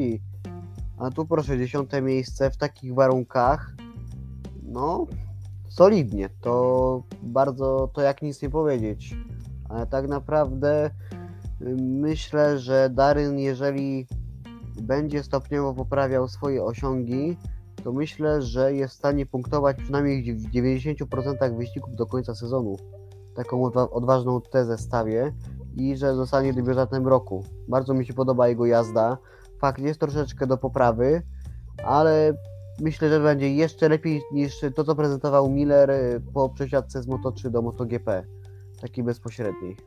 E, tutaj ciekawe zdanie pewnie o Darynie Binderze będzie miał Grzegorz, gdyż jak wiem tutaj w, po, w zapowiedzi sezonu Grzegorz e, no, dziwił się w ogóle temu transferowi, dlaczego Darren Binder jest w MotoGP i że jakim cudem ten człowiek tu tra- trafił.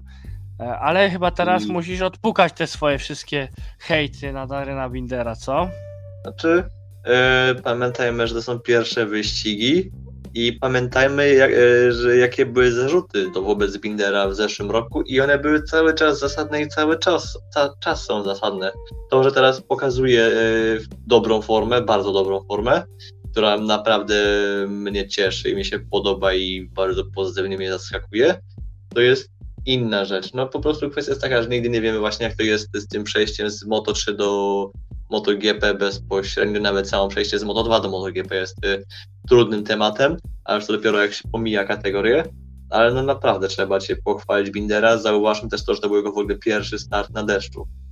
Tak. Y, w ogóle pierwsza jazda, w ogóle nawet nie start, po prostu pierwsza styczność y, Bindera z y, taką maszyną na deszczu. No, nie wyobrażam sobie tego, jak on to musiał szybko wszystko przyswoić, żeby nagle się po prostu nauczyć totalnie innej, innego sposobu jazdy.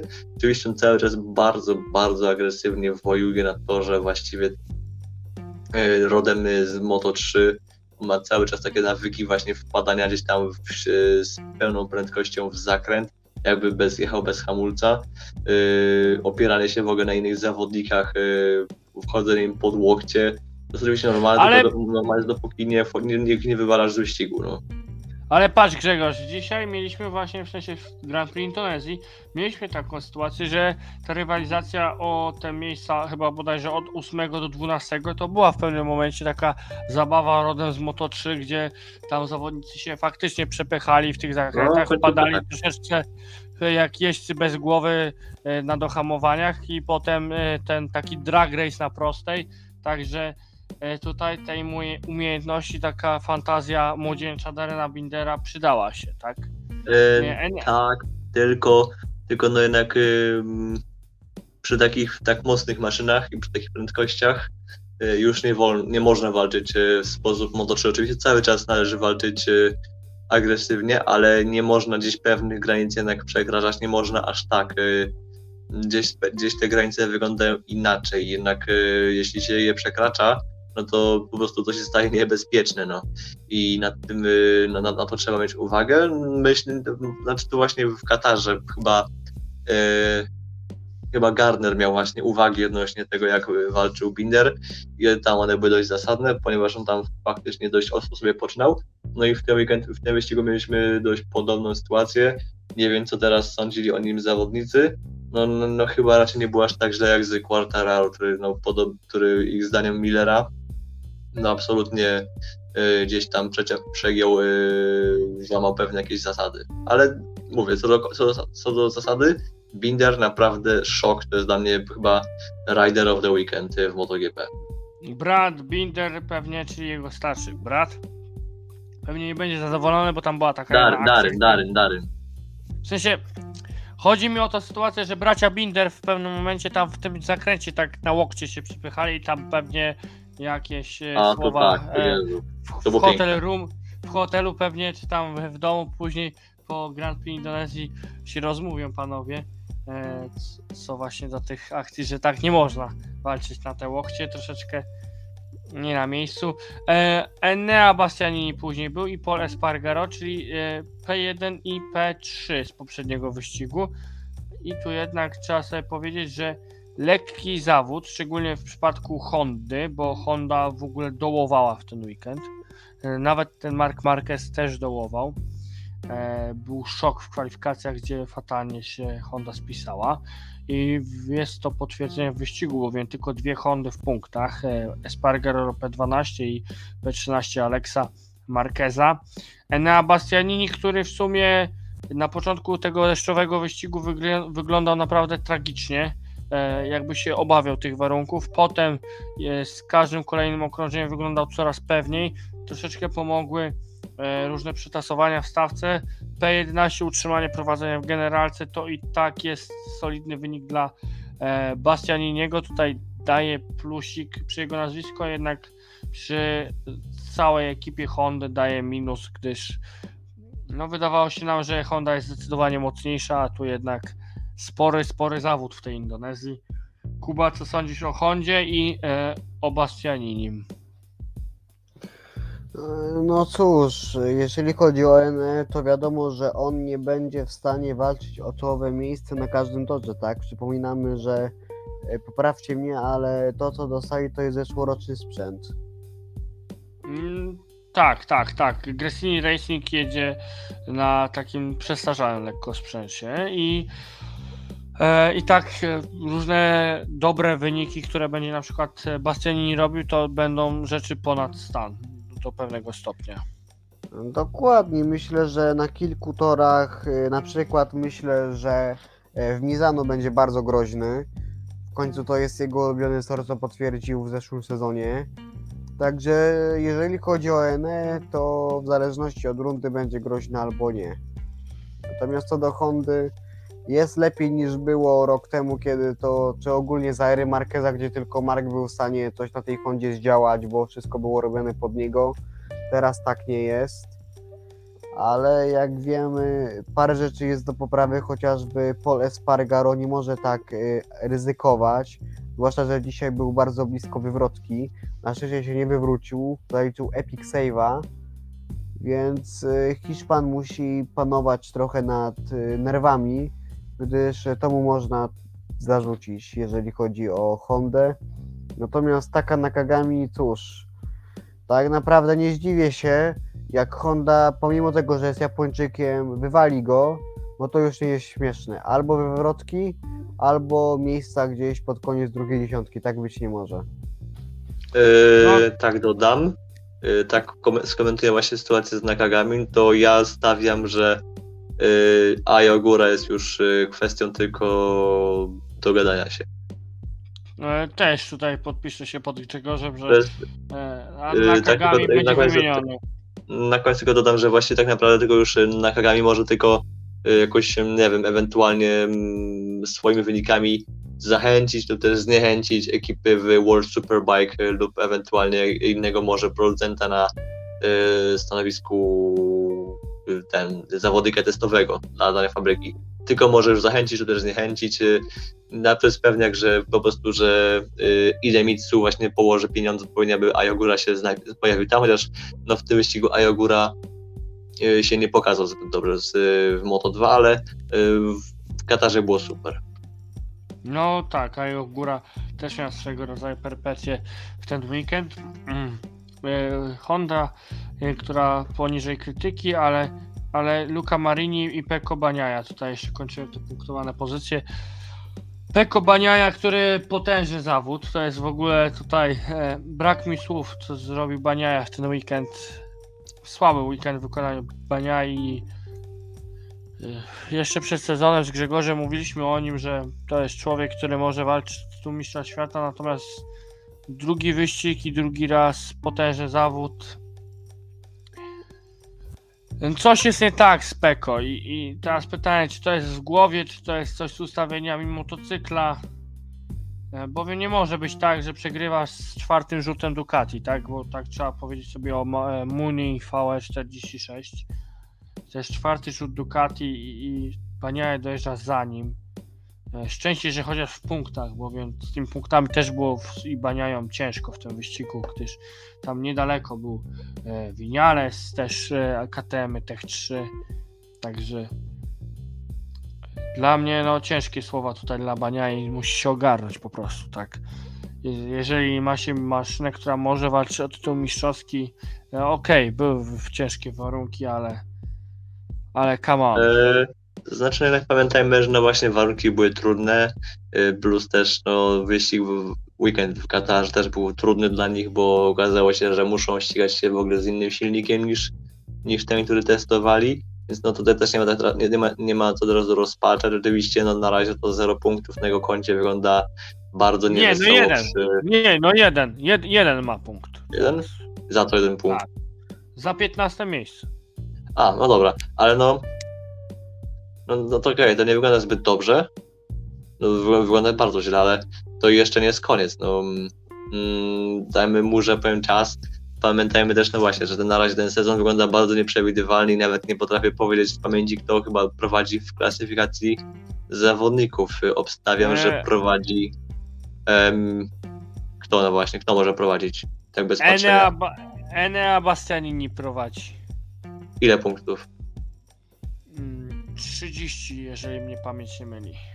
no to y, daje to średnią 15 punktów na wyścig, no to tak jakby dwa razy był trzeci, no to y, nawet gorzej, nie, no trzeci, no to y, na razie trudno powiedzieć, to jest w ogóle faworytem do tytułu, no bo przez sezon stawialiśmy Baniaje, na razie nie wygląda, nie wygląda zbyt dobrze, ale cały czas się liczy w walce. Quartararo trudno zaczął, y, dwa, dwa różne wyniki ma na razie na koncie, więc y, nie można skreślić, ale też nie można go faworyzować. Miller podobnie. No, jest na razie to jest bardzo dziwny sezon, te dwa pierwsze wyścigi, a zobaczymy co masz- dalej. W czołówce masz jeszcze Miguela Oliveira, tak? Który wygrał i ma teraz 25 punktów, w zasadzie 28. No więc właśnie, no. Więc na razie nikt nie ma, nikt nie ma takich y, dwóch y, konkretnie równych wyników. Tak. E, Luca Marini jednak daje mu plus, bo jest to e, pozycja w punktach. E, o Aprili troszeczkę powiedziałem, e, że tutaj jest roller coaster w tej Aprili i zobaczymy co dalej będzie. W sumie ten roller coaster Grzegorzu się spodziewaliśmy, że będzie, tak? W Aprili, no tak, no, też tam mówiłem, że no, że może być właśnie wesoła, może być też niewesoła na niektórych torach, tak jak też powiedziałeś wcześniej, przypominamy, że właśnie wygra, e, wygrał, że było świetnie w Katarze, no ale to nie oznacza, że, że taki będzie sta, standard przez cały rok. Tak, e, Rider of the Weekend, jeżeli chodzi o MotoGP. E, tutaj Darren Binder, słyszałem, że się u kogoś przewinął. E, U mnie. Tak, Grzegorz daje Darena Bindera. Kuba, kogo ty dajesz? A wiecie co? Ja bym dał. Hmm.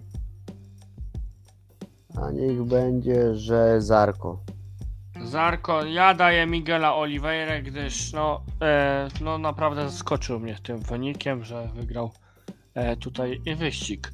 E, To było MotoGP, a teraz e, na szybko przenosimy się za ocean. E, Za ocean, gdzie mieliśmy dwie ciekawe rzeczy, gdyż zaczniemy sobie może od tej rzeczy, która bardziej naszych polskich kibiców interesuje, czyli z 1000 e, mil Sebring, e, Fiat WEC i tutaj sensacyjne zwycięstwo, tak trzeba to sobie powiedzieć, Alpin w składzie Andre Negrao, Nicola Lapierre, Mathieu Vaxivier, to jeżeli chodzi o kategorię klasyfikację generalną i Hypercar.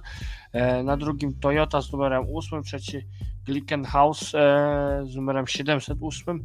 Wiemy tutaj, że był potężny dzwon Toyoty z numerem 7, e, gdzie tam naprawdę całe szczęście, że kierowca wyszedł, no tam z tego co słyszałem, bez szwanku większego, tak Grzegorzu? Jose Pechito Lopez? Tak.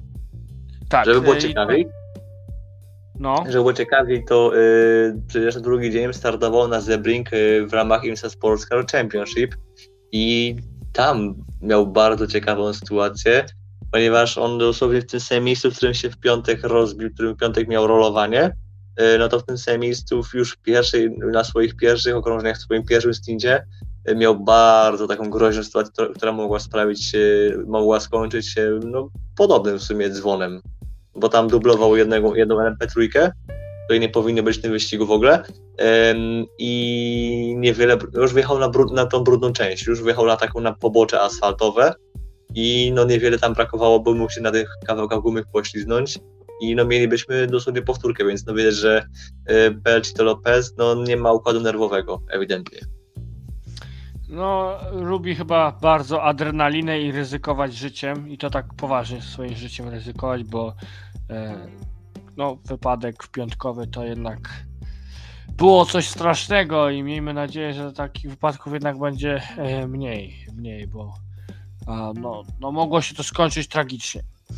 E, to jeżeli chodzi tutaj o ciekawostki w klasie Hypercar, która tak właściwie chyba jest bez zbędnej historii, tylko chciałbym tutaj mini wyjaśnienie, o co chodzi z tym naszym Alpilionem.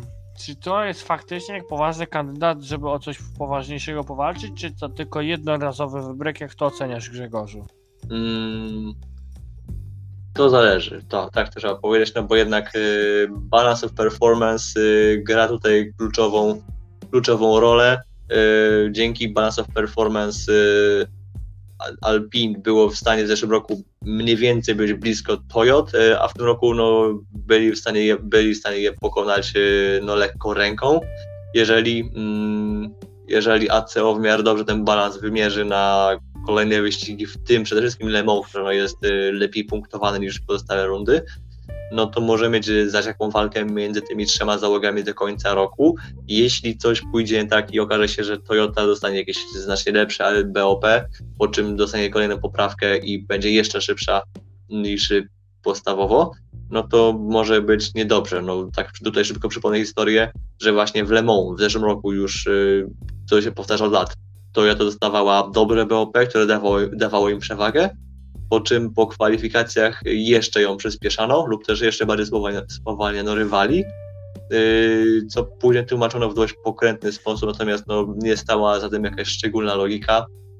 I koniec końców mieliśmy tak naprawdę ostatni, ostatni latach Le Mans, yy, którym Toyota po prostu kręciła kółka wokół rywali, tak to można powiedzieć. Mam Tak. nadzieję, że w tym roku yy, to BOP będzie troszkę bardziej restrykcyjny dla nich.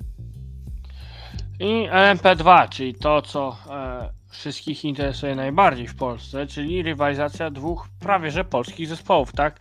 Prema Orlen Team oraz Inter Europol Competition. Niestety nasi piekarze pechowi, pechowi w Stanach, ale no miejmy nadzieję, że to jeden taki wyścig i już takich wyścigów nie będzie pechowych w ich wykonaniu. Tutaj triumfuje United Autosports, Paul Di Resta, Oliver Jarvis i Pearson. Zanim e, WRT, czyli e, no mocna załoga, bo to jest Robin Franz, Sean Gellel i René Rast, proszę Państwa. To jest René Rast, e, czyli no to jest potężny kierowca. I Real Team, który hypowany był przez Grzegorza już w tamtym sezonie, jak omawialiśmy wyniki LMS. mm, Andrade, Habsburg i Norman Nato.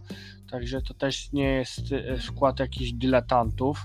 więc mocne podium, można sobie chyba śmiało powiedzieć, jeżeli chodzi o wyścig tutaj na Sebring.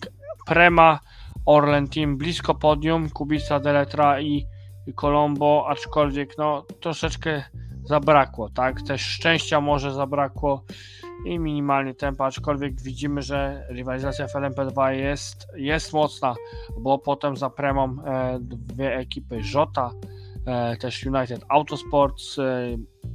Tutaj warto też podkreślić, że mamy w tym sezonie AF Corse, czy też e, Richard Miller Racing, która już nie jest pełną kobiecą załogą, ale mają na przykład Charlesa Millesiego, czyli człowieka, który e, rok temu wygrał Le Mans w tej klasie i Sebastiana Ogiera, który no, no to jest zawodnik, którego nie trzeba chyba więcej przedstawiać, tak? E, także Grzegorzu, jak tutaj oceniasz e, wynik tego drugiego jakby polskiego, polskiego zespołu i e, czy faktycznie można patrzeć na to, jaka jest klasyfikacja tutaj w, rywali w e, klasie LMP2 w tym roku, że można to uznawać raczej za sukces, bo niektórzy mogą nie rozumieć tego, że my czytamy to czwarte miejsce jako sukces. No tak, no, no to jest totalnie nowa ekipa. No jak się debiutuje, to raczej wiesz, e, nie, nie stawia się z dużych oczekiwań. Czwarte miejsce w klasie, która w tym roku jest mocna. Rok temu ona była umiarkowanie mocna, nie była jakoś wybitnie, e, bo było, były tak naprawdę tylko takie cztery porządne ekipy, takie, no jeszcze byli piekarze, którzy też, też byli porządni, ale oni dopiero byli debiutantami w tej klasie, w tej serii. Ale, E, ale teraz to już jest top, nie? To już jest Tak, jednak tak. kla- klasa naprawdę jedna z najmocniejszych w całym motorsporcie. Pierwsza ósemka w tej klasie w LMP2 jest naprawdę czymś dla każdego zespołu. To jest po prostu mega wyczyn i pierwsza ósemka, no dobra, może szóst, szóstka, siódemka, o, no to jest naprawdę już jest już, już yy, wąskie gar- gardło. Tak to trzeba powiedzieć. Tak. Rok temu E. to była czwórka, teraz szóstka. Tak, e, tutaj też właśnie, jeżeli by dojechała załoga na przykład Inter Europolu, to już się by zrobił ścisk. Też e, mamy Mo- Sport, tutaj taką załogę, gdzie jedzie Nico Miller i Mike Rockefeller, czyli też nie byle jacy kierowcy. Generalnie też mamy bardzo, bardzo ciekawe składy i wydaje mi się, że jednak LMP2, e, pomimo że się nazywa LMP2, to jednak jest klasa, która no, powinna mieć e, bardzo duży fokus w tym sezonie, nie tylko ze względu na Polaków, ale ze względu na różne inne klasowe nazwiska w sobie zawierające. Chyba zgodzisz się ze mną. E, no tak, no ale to, jest, to już jest temat na osobne rozważania raczej.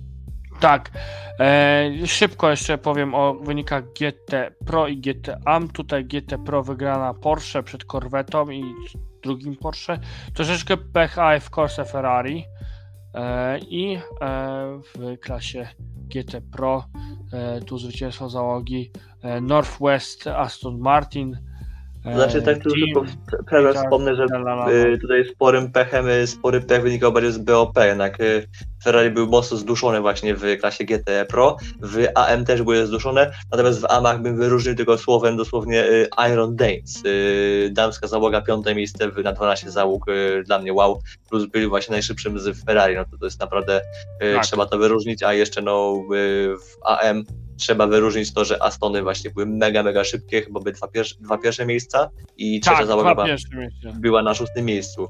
Natomiast Corvette, szybko, szybkie słowo, kontrowersyjna dość decyzja, która pomogła y, sprawić, że ta, że ta klasa była ciekawa właśnie w tym wyścigu, ponieważ pierwotnie BOP było takie, że y, mieliśmy trzy grupy w pro. Y, pierwszą grupą było Porsche, drugą grupą była jedna Corvetta i trzecia grupa to było jedno Ferrari. Tak było w kwalifikacjach.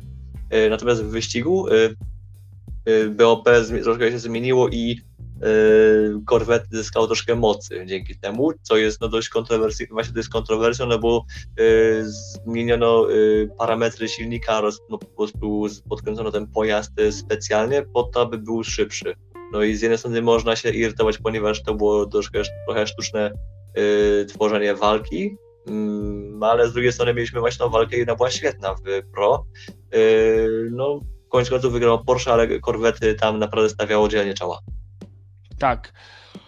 Uff, i to było e, 1000 mil Sebring. E, no, czekam na kolejne rywalizacje tutaj FIA WEC, które, które może być jedną z dużo ciekawszych serii w tym e, sezonie 2022. Inauguracja była z pewnością bardzo ciekawa i z ciekawymi rozstrzygnięciami. Drugą rundę miało za sobą również IndyCar Series. E, tutaj e, IndyCar Series. E, Expel 375 na owalu w Texas e, Motor Speedway. Torze, który jest kontrowersyjny, trzeba sobie to powiedzieć wprost, ze względu na nitkę, która jest dysponowana dla samochodów serii IndyCar. Ale cóż, no musieli sobie jakoś z tym poradzić. E, Kolejny rok z rzędu zawodnicy IndyCar, że tam, że tam jest, są te problemy z nawierzchnią, mm, związane ze startami również samochodów NASCAR. E, I zwycięzcą tutaj Joseph Newgarden. Na ostatnich metrach Joseph Newgarden e, triumfuje przed swoim team partnerem Scottem McLaughlinem, który był bliski drugiego zwycięstwa z rzędu. 186 okrążeń na prowadzeniu Scotta McLaughlina, więc to jest duże wow. Marcus Ericsson zamyka top 3, potem Will Power, Scott Dixon, Jimmy Johnson, Alex Palou, Simon Pagenaud, Santino Ferrucci, który w zasadzie tutaj jechał w zastępstwie. Rinus VK, David Malukas, Colton Herta, Ed Carpenter, J.R. Hildebrand, Patto Award, Callum Aylott, Dalton Kellett, Connor Daly. E, to jest e, stawka kierowców, którzy ukończyli wyścig. Nie ukończyli Christian Lungard, e, Takuma Sato, Felix Rosenquist, który startował z pole position, Graham Rahal, Helio Carson Neves, Devlin De Francesco, Kyle Kirkwood, Romain Grosjean oraz Aleksander Rossi. E, To zawodnicy, którzy nie ukończyli tego wyścigu. No i teraz e, takie po dwa plusy i dwa minusy byśmy sobie wymienili. Kuba wtedy z tego wyścigu. Ja zacznę od siebie, od tych e, plusów. Dla mnie na plus e, Penskę, czyli New Garden i McLaughlin. No i w sumie tego Powera bym też dorzucił, którzy zrobili kapitalną robotę. Widać, że Team Peskę jest w świetnej dyspozycji. A jako e, drugi plusik e, Jimmy Johnson, tak? Nie omieszkam e, tu wspomnieć o wysokim P6 Jimmy'ego Johnsona. Najlepszy wynik do tej pory w IndyCar Series dla siedmiokrotnego mistrza NASCAR, który pokazał, że jego decyzja o niestartowaniu na owalach była idiotyczną decyzją w poprzednim sezonie, bo już takie wyniki mógłby śmigać spokojnie pewnie w poprzednim roku, patrząc, że no to jest ktoś, kto jest specjalistą tak od wyścigów na owalach. Kuba, twoje dwa plusy i dwa minusy IndyCar Series tutaj Expert 375. Jeżeli jesteś. Chyba, że mam jakiś problem techniczny. Oj, dobra, Jeżeli- już jestem, jestem, jestem, jestem.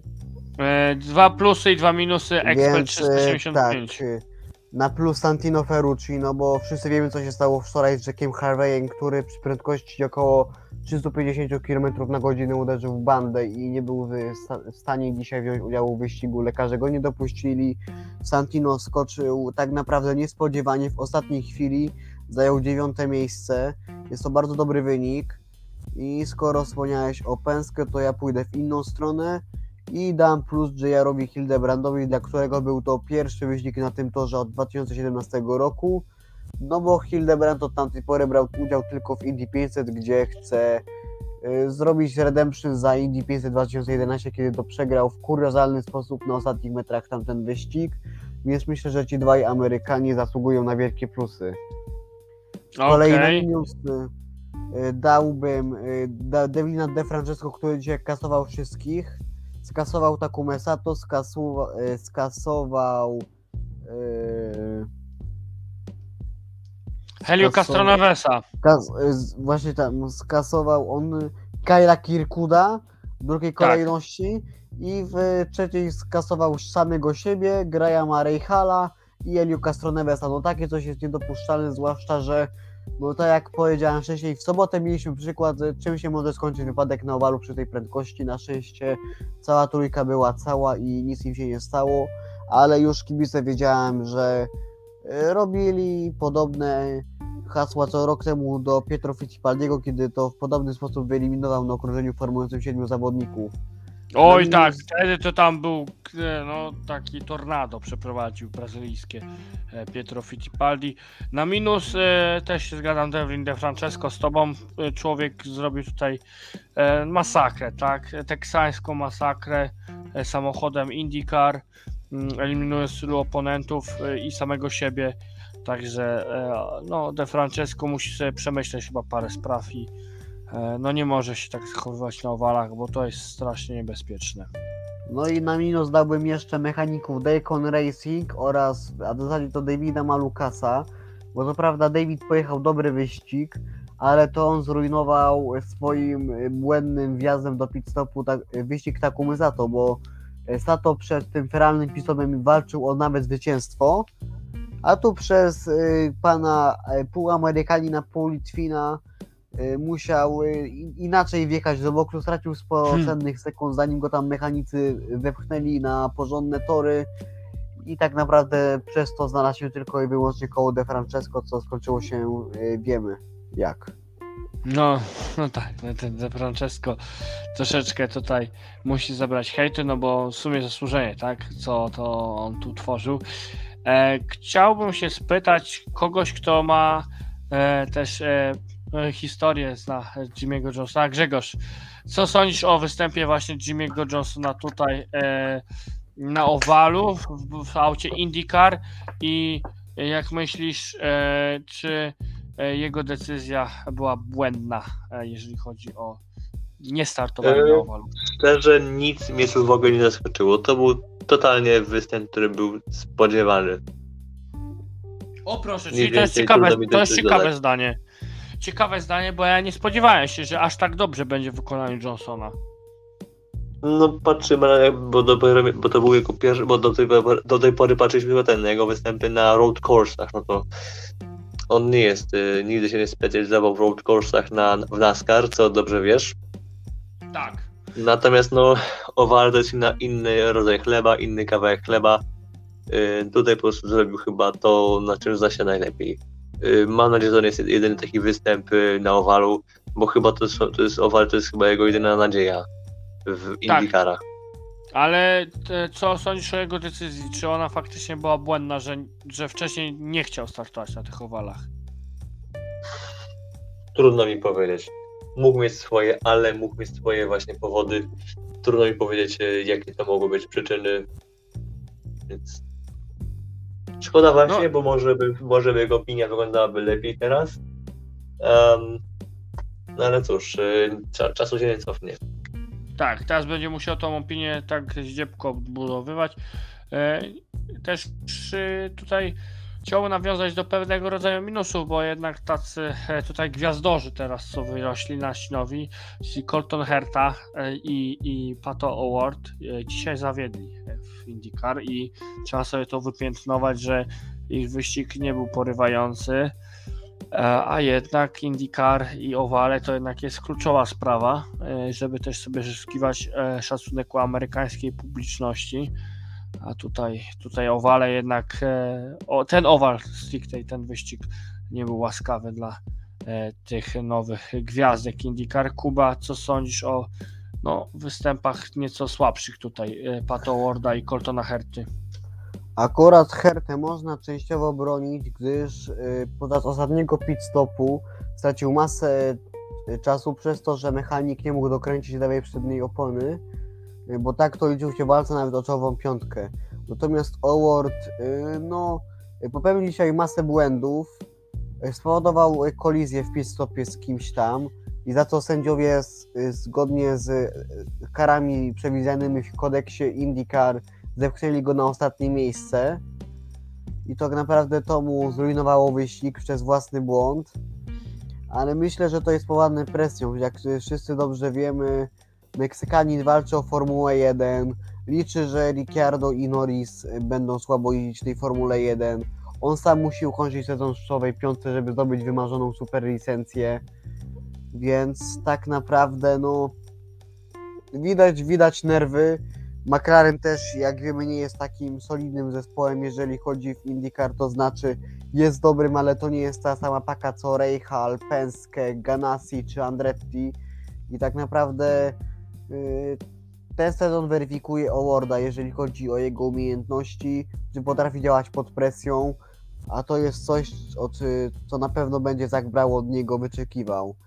No co Tak. do Herty, dużo pecha, zresztą w tamtym roku też miał sporo pecha po Danville, gdzie na własne życzenie wpakował się w bandę, więc jeżeli miałbym obstawiać kogoś z dwójki Herta Award, to mimo wszystko mi się wydaje, że Zach Brown bardziej zainwestuje w Coltona.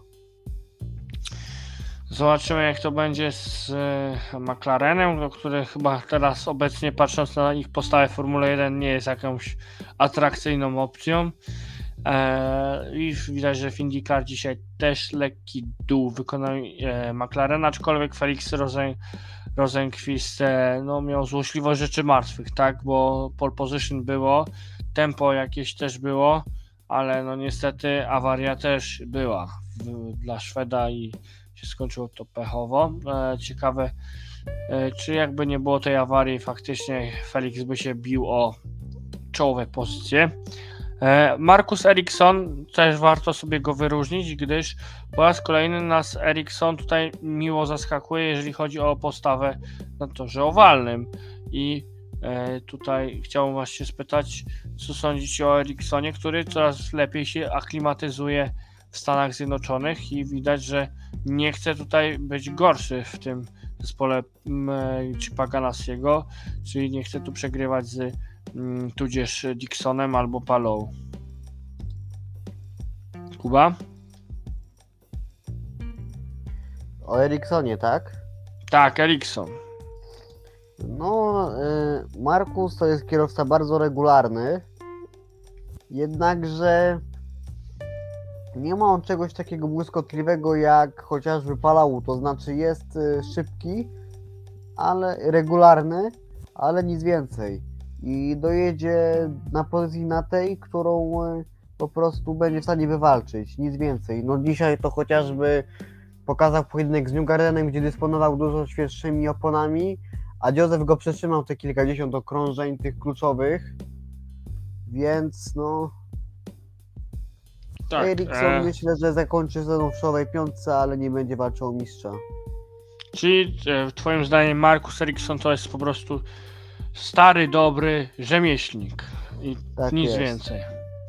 E, no, ja myślę jednak, że Eriksson jeszcze może wielu ludzi zdziwić e, w tym sezonie, patrząc, że e, szczególnie na owalach, e, bowiem nie jak to będzie na road coursach, ale na owalach powinno być e, dobrze w wykonaniu Markusa i e, ten Dixon czy Palou może być jeszcze troszeczkę zdziwieni postawą swojego kumpla mm, zespołu i e, warto sobie powiedzieć Driver of the Weekend w sumie tutaj wskażemy w IndyCar, bo to taka też sowita seria. E, Ja daję jednak e, tutaj no Josefa Newgardena, tak, który wywalczył na ostatnich metrach e, zwycięstwo. Ostatnio początki sezonu dla Newgardena były różne i ciężkie, a tutaj jednak jest zwycięstwo już w drugim wyścigu, także e, Joseph Newgarden raczej tym kierowcą e, tutaj e, weekendu, jeżeli chodzi o IndyCar, aczkolwiek Scott McLaughlin też e, miał bardzo, bardzo, bardzo dobry wyścig i wydaje mi się, że to będzie człowiek, który będzie walczył o tytuł w tym sezonie w IndyCar. Oby, oby, zresztą nie ukrywajmy, że chyba wszyscy wiemy, że Newgarden to jest mój ulubiony kierowca, ale na Driver of the Day dałbym Santino Ferrucciego, gdyż jechał w, w ledwo odbudowanym wraku, bez przygotowania, unikał błędów, jechał czysto, a wszyscy wiemy jak, jak bardzo jest, y, przepraszam, a wszyscy dobrze wiemy jak to jest barwna postać, jeżeli chodzi o wyścigi Santino Ferrucci i jego odpały w Formule 2. Tak, Więc y, dziewiąte miejsce to bardzo dobry wynik i to pokazuje, że Santino to bardzo utalentowany kierowca, tylko przydałoby mu się nieco więcej przydałoby mu się nieco więcej pokory. tak. No i panowie, no na koniec e, najtrudniejsze pytanie tutaj, bo mieliśmy naprawdę dużo tego motorsportu w ten weekend. Wyścig weekendu. Co myślicie jest wyścigiem weekendu w ten obfity weekend, e, który był naprawdę e, sowity w akcję w- wysokich lotów. No, nie zawsze się zdarza taki, taki weekend i no, ja powiem wam, że mi osobiście jest ciężko wskazać jeden wyścig e, naszym drogim słuchaczom i widzom, e, który jest tym najlepszym w miniony weekend, e, więc pozwolę, że Grzegorz zaczniesz. Grzegorzu, co Hmm. według ciebie jest tym jednym wyścigiem, który był najlepszy? Gdzieś bym powiedział, że to będzie chyba Grand Prix Bahrainu w F1 albo MotoGP na Mandalice.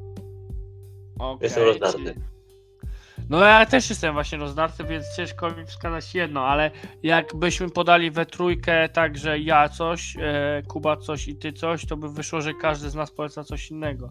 Więc co nam zabierasz do polecenia?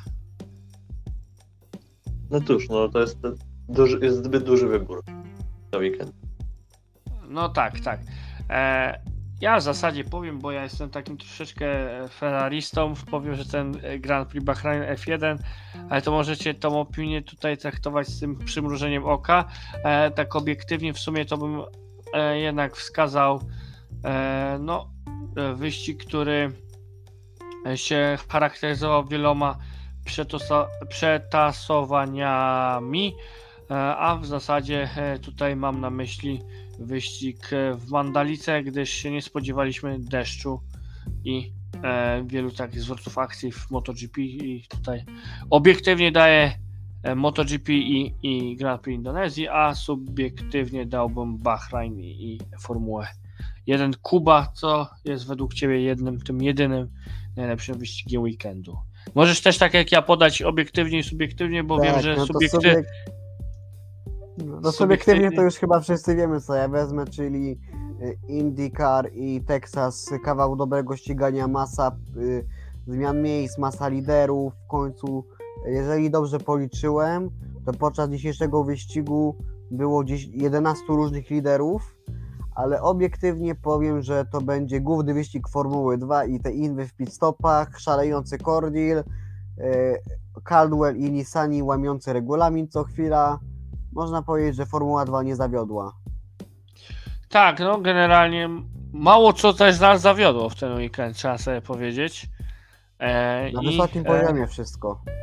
Tak, wszystko na wysokim poziomie i jeżeli tak ten sezon tak e, startuje nam, to życzmy sobie i życzymy Wam też, e, drodzy słuchacze, żeby było tak przez cały sezon, bowiem wtedy, wtedy będziemy co weekend po prostu w tych fast weekendach e, zadowoleni i to jest takie grande otwarcie, byśmy powiedzieli, bowiem e, wcześniej tu już z Kubą omawialiśmy weekend, gdzie było bodajże samo MotoGP, Teraz tutaj e, zaczynamy z kopyta, bo i ruszyło i F1, i F2, i F3, dołączyło IndyCar, e, jest FIA WEC, mm, więc mamy wszystko.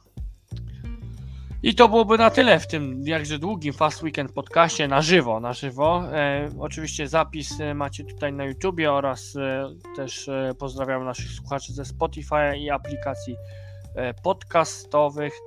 A e, też serdecznie zapraszamy oczywiście na stronę motohike.pl oraz wszelakie social media What is Motorsport. Do tych wszystkich rzeczy że macie linki w opisie. A tymczasem wraz ze mną byli w tym Fast Weekendzie Grzegorz Futurowicz? I Kuba Mikołajczak. ja byłem Kacper Wadych i do szybkiego usłyszenia.